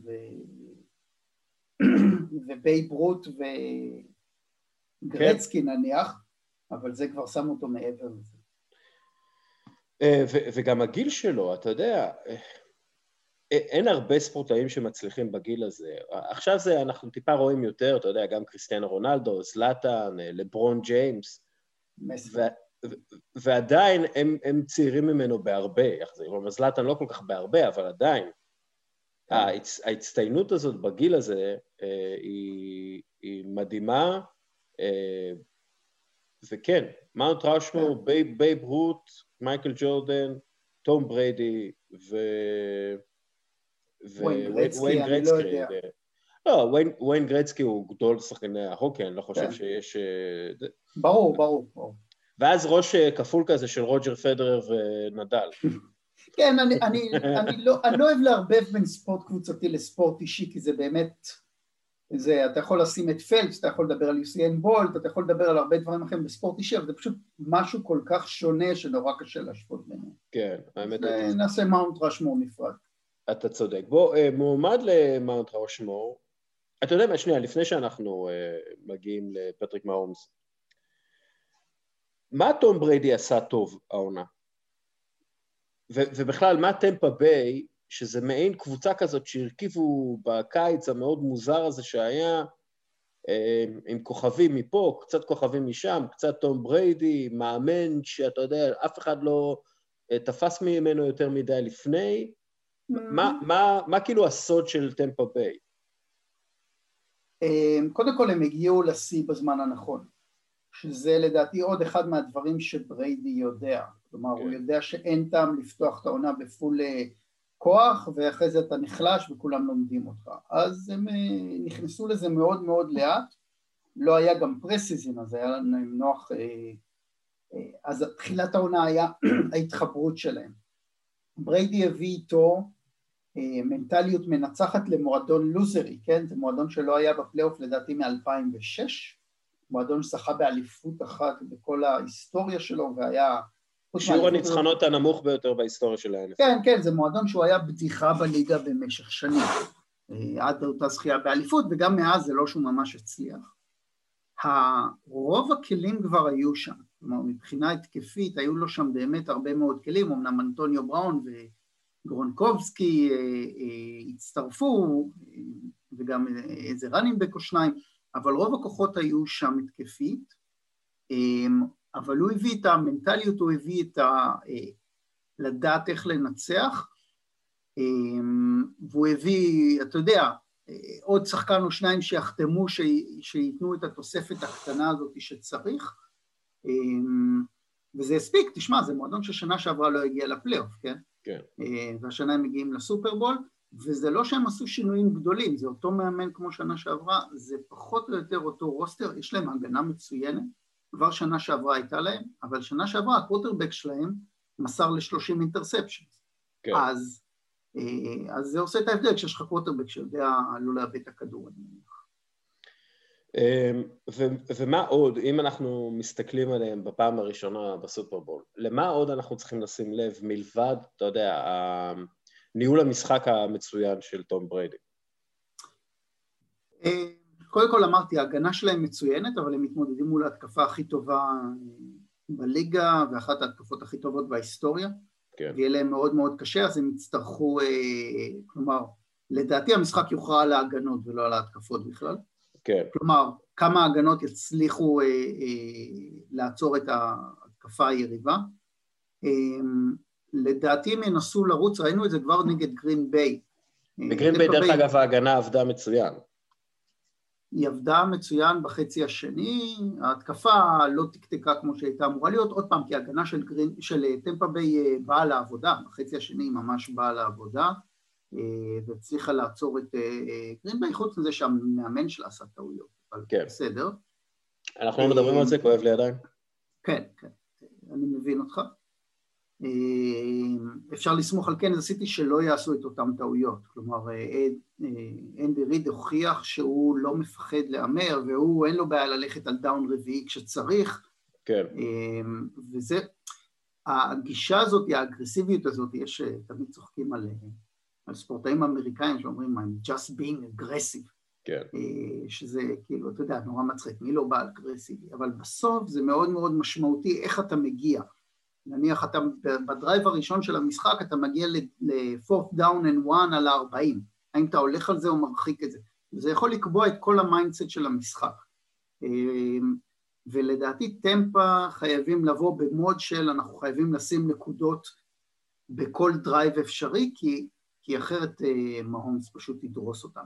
אתה חייב לשים נקודות ולא לאפשר לו, קודם כל כמה שפחות מהומס על המגרש זה טוב לך, ולכן כן. לדעתי טמפה ינסו להריץ את הכדור הרבה מאוד.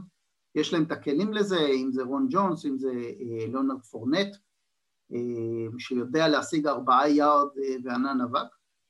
כן. וזה לדעתי מה שהם יעשו. אם הם יצליחו לקטוש את השעון ולעשות דרייבים מאוד ארוכים ולהשאיר את מהומס הרבה על הספסל, ולנצל את ההזדמנויות ב red zone, הם יוכלו לתת fight. כן, יש גם, אתה יודע, העניין הזה של האגרסיביות שאמרת, אנדי ריד עשה טעויות כאלה כ, כמאמן צעיר יותר. נכון. זה נראה שהוא אף פעם לא היה צעיר, אבל כל ההפסדים האלה שלו, בסופו של דבר הוא מגיע כמאמן הרבה יותר שלם ו, ומוכן לקחת את ההימור. זה, זה מזכיר לי קצת מאמן שאתה יודע, הוא מאמן מבריק וזה, אבל הוא תמיד הלך על, אתה יודע, רק לא להפסיד קודם, ואז משנה את הגישה ואומר, טוב, אני, אין הבדל מבחינתי בין תיקו ל... ל... להפסד, אני הולך על ניצחון, כאילו על מאמן אה, כדורגל שעושה את זה, ו... ו... וכל הגישה של קנזס אה, סיטי, וזה, אנחנו עוד מעט נדבר על מהומס, זה זה, זה הם, הם תוקפים גלים גלים. אה, אם הם היו קבוצת כדורגל, והשוויתי אותם גם בפודקאסט האחרון לזה, מנצ'סטר יונייטד של 98-99. אין פה אוקיי. איזה רמת תחכום מדהימה של התקפה, או...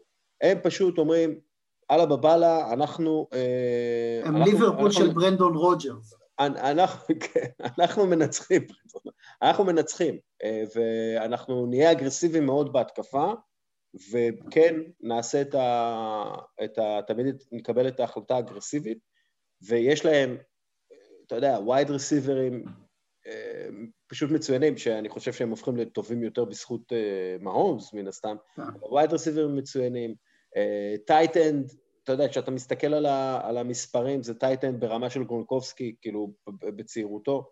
העונה הכי טובה של tight end בליגה, כנראה, כן. מה שהוא עשה השנה, אה, טרוויס קלסי. תשמע, קודם כל, לפני שאנחנו נדבר על ההתקפה של קנזס סיטי, חשוב להגיד, התקפה שלהם אדירה, ההגנה שלהם underrated, יש להם הגנה לא רעה בכלל, הם הצליחו לעצור את בפלו פעם אחרי פעם ב red zone, ולא לזלזל בזה, בסדר? אז יש להם הגנה היו, טובה. שבופלו היו טיפה פחות מדי אגרסיביים. נכון, הזה. נכון, בדיוק, זה בדיוק הבעיה של בפלו, שהם ככה לא, לא הלכו עד הסוף, ואתה יודע, הם קצת פחדו. ההתקפה של קנזס סיטי באמת היא מסתמכת קודם כל זה שמהומס הוא המוסר הכי טוב בליגה, אין טווח שהוא אה, מפחד ממנו, אתה לא יכול... אה, אה, זה סטף קרי, זה סטף קרי. הוא, זה, יכול, זה הוא יכול מכל ק... מקום. Yes. זה סטף קרי עם יכולות חדירה לסל של לברון, כאילו כן. הוא גם רץ, אתה מוציא אותו מהפוקט והוא מסוגל לרוץ ולהשיג עם הרגליים, או למסור תוך כדי תנועה וזה לא עציר.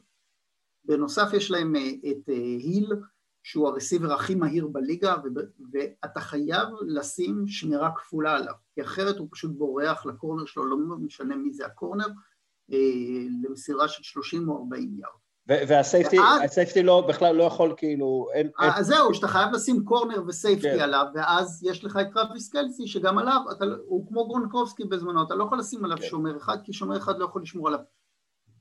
תמיד, זה, זה נראה כשקנזס סיטי משחקים, שתמיד יש רסיבר פנוי, זה מדהים. אני אישית לא זוכר באמת התקפה כזאת שכל פעם שזה אתה רואה אותו מקבל, רסיבר מקבל את הכדור וזה נראה שהוא פנוי.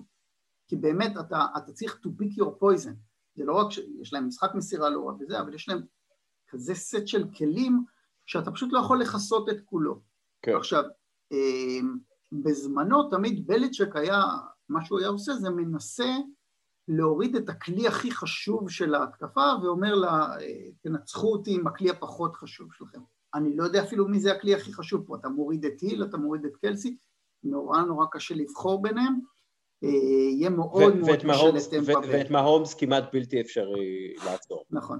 אני אגיד לך... אתה יודע מה הנתון, אני רק, הנתון באמת, אתה יודע, כשאתה מסתכל על הנתון שלו, של quarterback אה, ratings, תחת לחץ. אגב, יש הכל, יש הכל, כן? יש כן. נתונים להכל. תחת לחץ, ה quarterback rating שלו זה 73 וחצי. כלומר, כש, כשרצים עליו הוא 73 וחצי, שטום בריידי העונה, כקווטרבק... 20. לא, הוא 72-6. אה, לא רע. יותר טוב ממה שחשבתי. אבל כ quarterback rating, יש לו, כלומר, הוא תחת לחץ יותר טוב מתום בריידי כ... כ... סתם כ... ככה, כזורק, כזורק כן. כדור בעצם. זה, אתה יודע, זה, זה נתון מטורף כן. ש, ש, שמלמד כמה הוא קשה לעצור אותו. כן.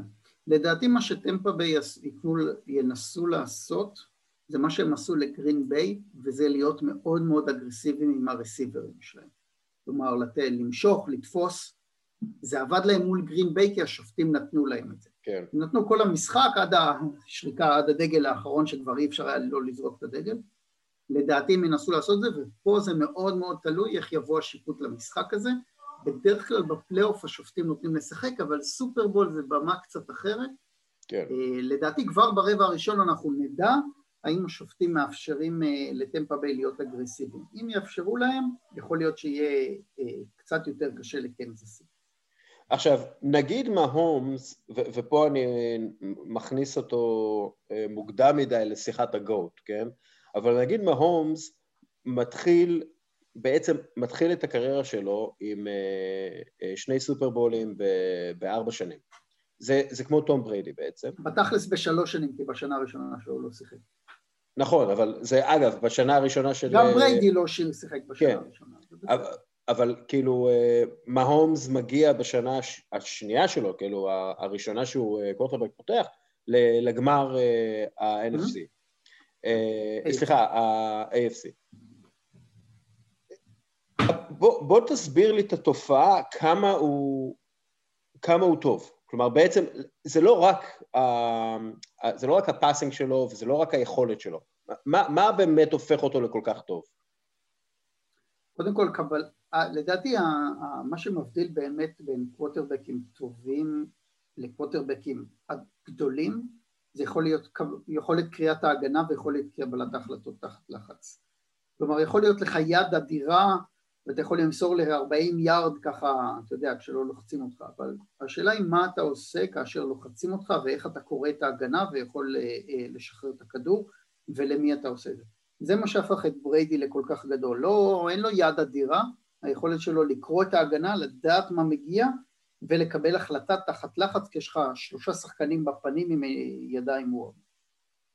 ומהומס, יכולת קבלת ההחלטות שלו תחת לחץ וקריאת ההגנות, יש לו יד כל כך חזקה שזה קצת מסתיר את זה.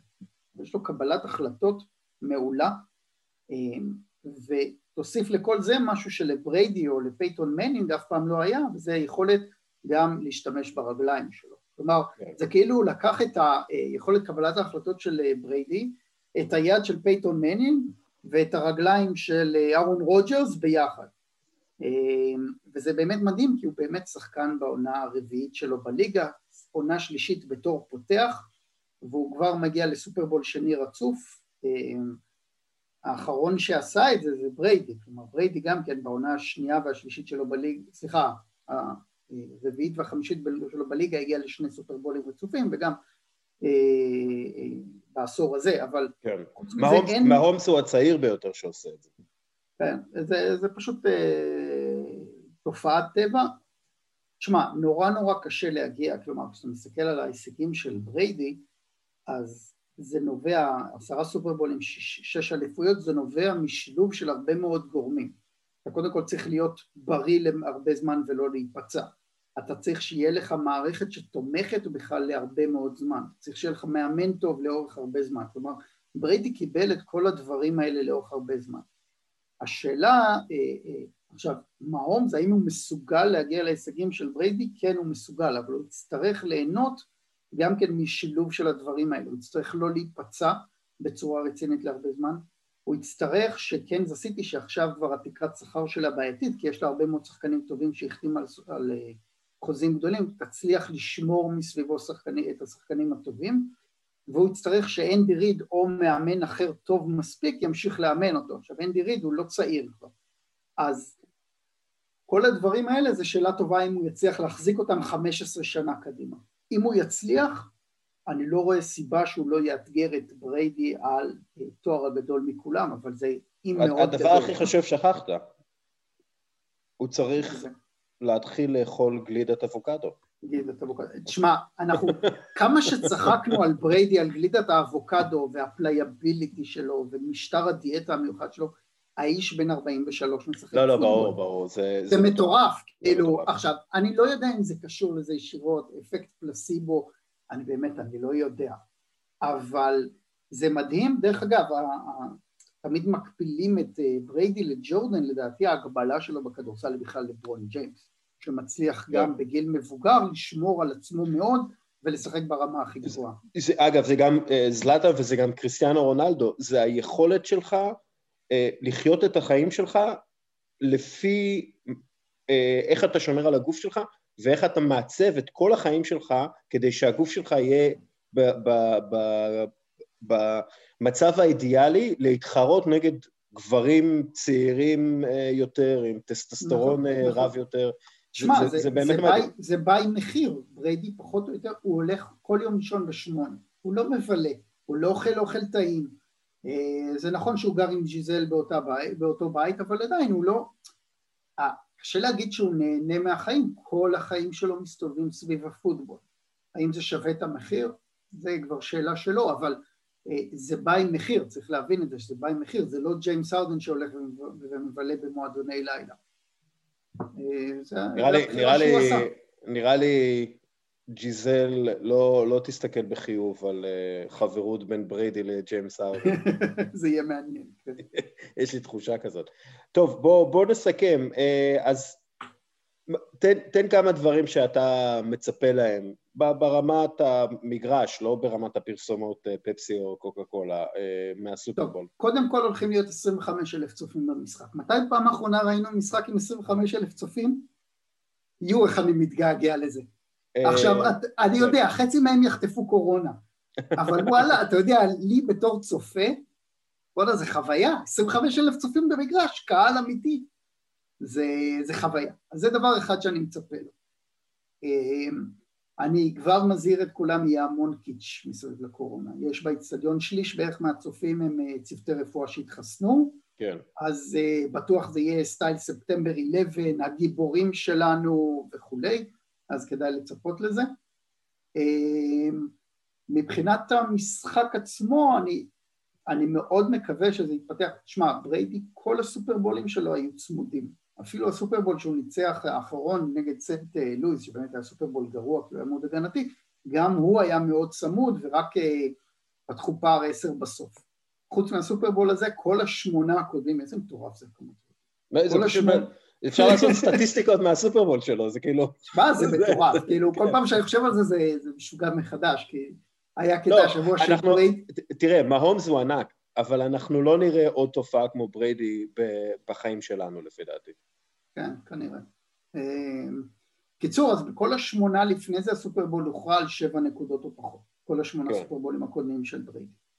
אז אני מאוד מקווה שנקבל משחק צמוד שילך אה, באמת אה, בין הקווטרבקים. אה, לדעתי ההתחלה תהיה יחסית מהוססת ואחרי זה אנחנו נראה אותם, אה, אנחנו נראה בחצי השני פתאום הרבה נקודות. זה הרגשה שלי. אה, זהו, יהיה סופרבול כיף, כאילו באמת, יהיה כן. באמת שתי קבוצות אה, שכיף לראות אותן, זה שני סיפורים אדירים, כלומר הפוטרבק הכי גדול בהיסטוריה מול אה, האלוף הנוכחי, חוזה 500 המיליון והטוען לכתר, אה, לא יכול להיות יותר טוב מזה. מצוין. איך אתה רואה איזה מסיבת סופרבול אתה עושה בבית? בבית, כן, אני והמקרן. תשמע, שנה שעברה ויתרתי על מסיבת סופרבול, כל שנה הייתי הולך למסיבת סופרבול, שנה שעברה ויתרתי, כי זה לא היה הקבוצה שלי, ולא היה לי כוח לנסוע באמצע הלילה לתל אביב, ועכשיו אני אומר, וואי, מה הייתי נותן בשביל מסיבת סופרבול. כן, אני... כן. גם כן, אתה יודע מה, גם אני. אה, לקחנו את זה כמובן מאליו הרבה פעמים. אה, ללכת אתה יודע, סתם להיות עם הרבה חבר'ה שאוהבים פוטבול ולשתות את הבירה ולאכול את האוכל הממש לא בריא הזה שיש בדרך כלל במסיבות uh, סופרבול. ו... כן. כן. גם אני שנה שעברה לא הלכתי למסיבה נראה לי, הייתי, ב... הייתי בבית. כן. Uh, כן, כן. Uh, מה אני אגיד לך? הלוואי שבשנה הבאה תהיה... שנה הבאה, בעזרת השם. כן. שיהיה סופר... איפה הסופרבול אמור להיות בשנה הבאה? אני לא יודע, שאלה טובה. אה, כן, אבל הלוואי שאתה יודע, אנחנו נהיה במצב טוב יותר. טוב, אגב, איך אתה מסכם את העונה מבחינתך? חוץ מזה שניו אינגלנד היו לא טובים? כן, האמת היא שזה היה מעניין לראות עונה בלי ציפיות, בלי אה, מתח, זה שונה. פעם, תשמע, אני אוהד פוטבול עשרים שנה, זו עונה ראשונה שלי שבה אני רואה אה, פוטבול, לפחות בחצי השני של העונה, בלי מתח. זה היה מאוד מעניין, אבל אה, זה היה נחמד, כי גם יכולתי, אתה יודע, פשוט ליהנות מפוטבול כמו שהוא. אה, הייתה עונה טובה לדעתי, אה, למרות הקורונה ולמרות הכל, איכשהו הצליחו להוציא עונה טובה. אה, שקיבלנו פלייאוף מעניין, לא כל המשחקים היו מדהימים, אבל קיבלנו סך הכל פלייאוף טוב לדעתי. איכשהו... היה לך קלאסי, עונה קלאסית של פלייאוף טוב, אירועים כאלה שיזכרו אותם תמיד, כמו כן. בהחלטה, ההחלטה בגרין ביי. אה, כן, כל שנה יש כזאת החלטה. כן, כן. אה, מצוין, אז אה, באווירה חגיגית זאת של ההפסד של גרין ביי, אה, אנחנו, אנחנו מסיימים את הפודקאסט הזה. אני רוצה להודות לעסק טעים על החסות לפירוט הפרק. אני רוצה להודות לכל האנשים שהאזינו לפרק ה... אה, אתם לא תרגישו את זה, אתם לא מרגישים את זה, אבל זה באמת פרק שלקח לי אה, יומיים לעשות. אני רוצה להודות לאלון קרמר, לאודי הירש וכמובן לאריאל. תודה רבה לכם, ותודה רבה לך, מאזין יקר, שנשאר עד הסוף. יאללה, ביי.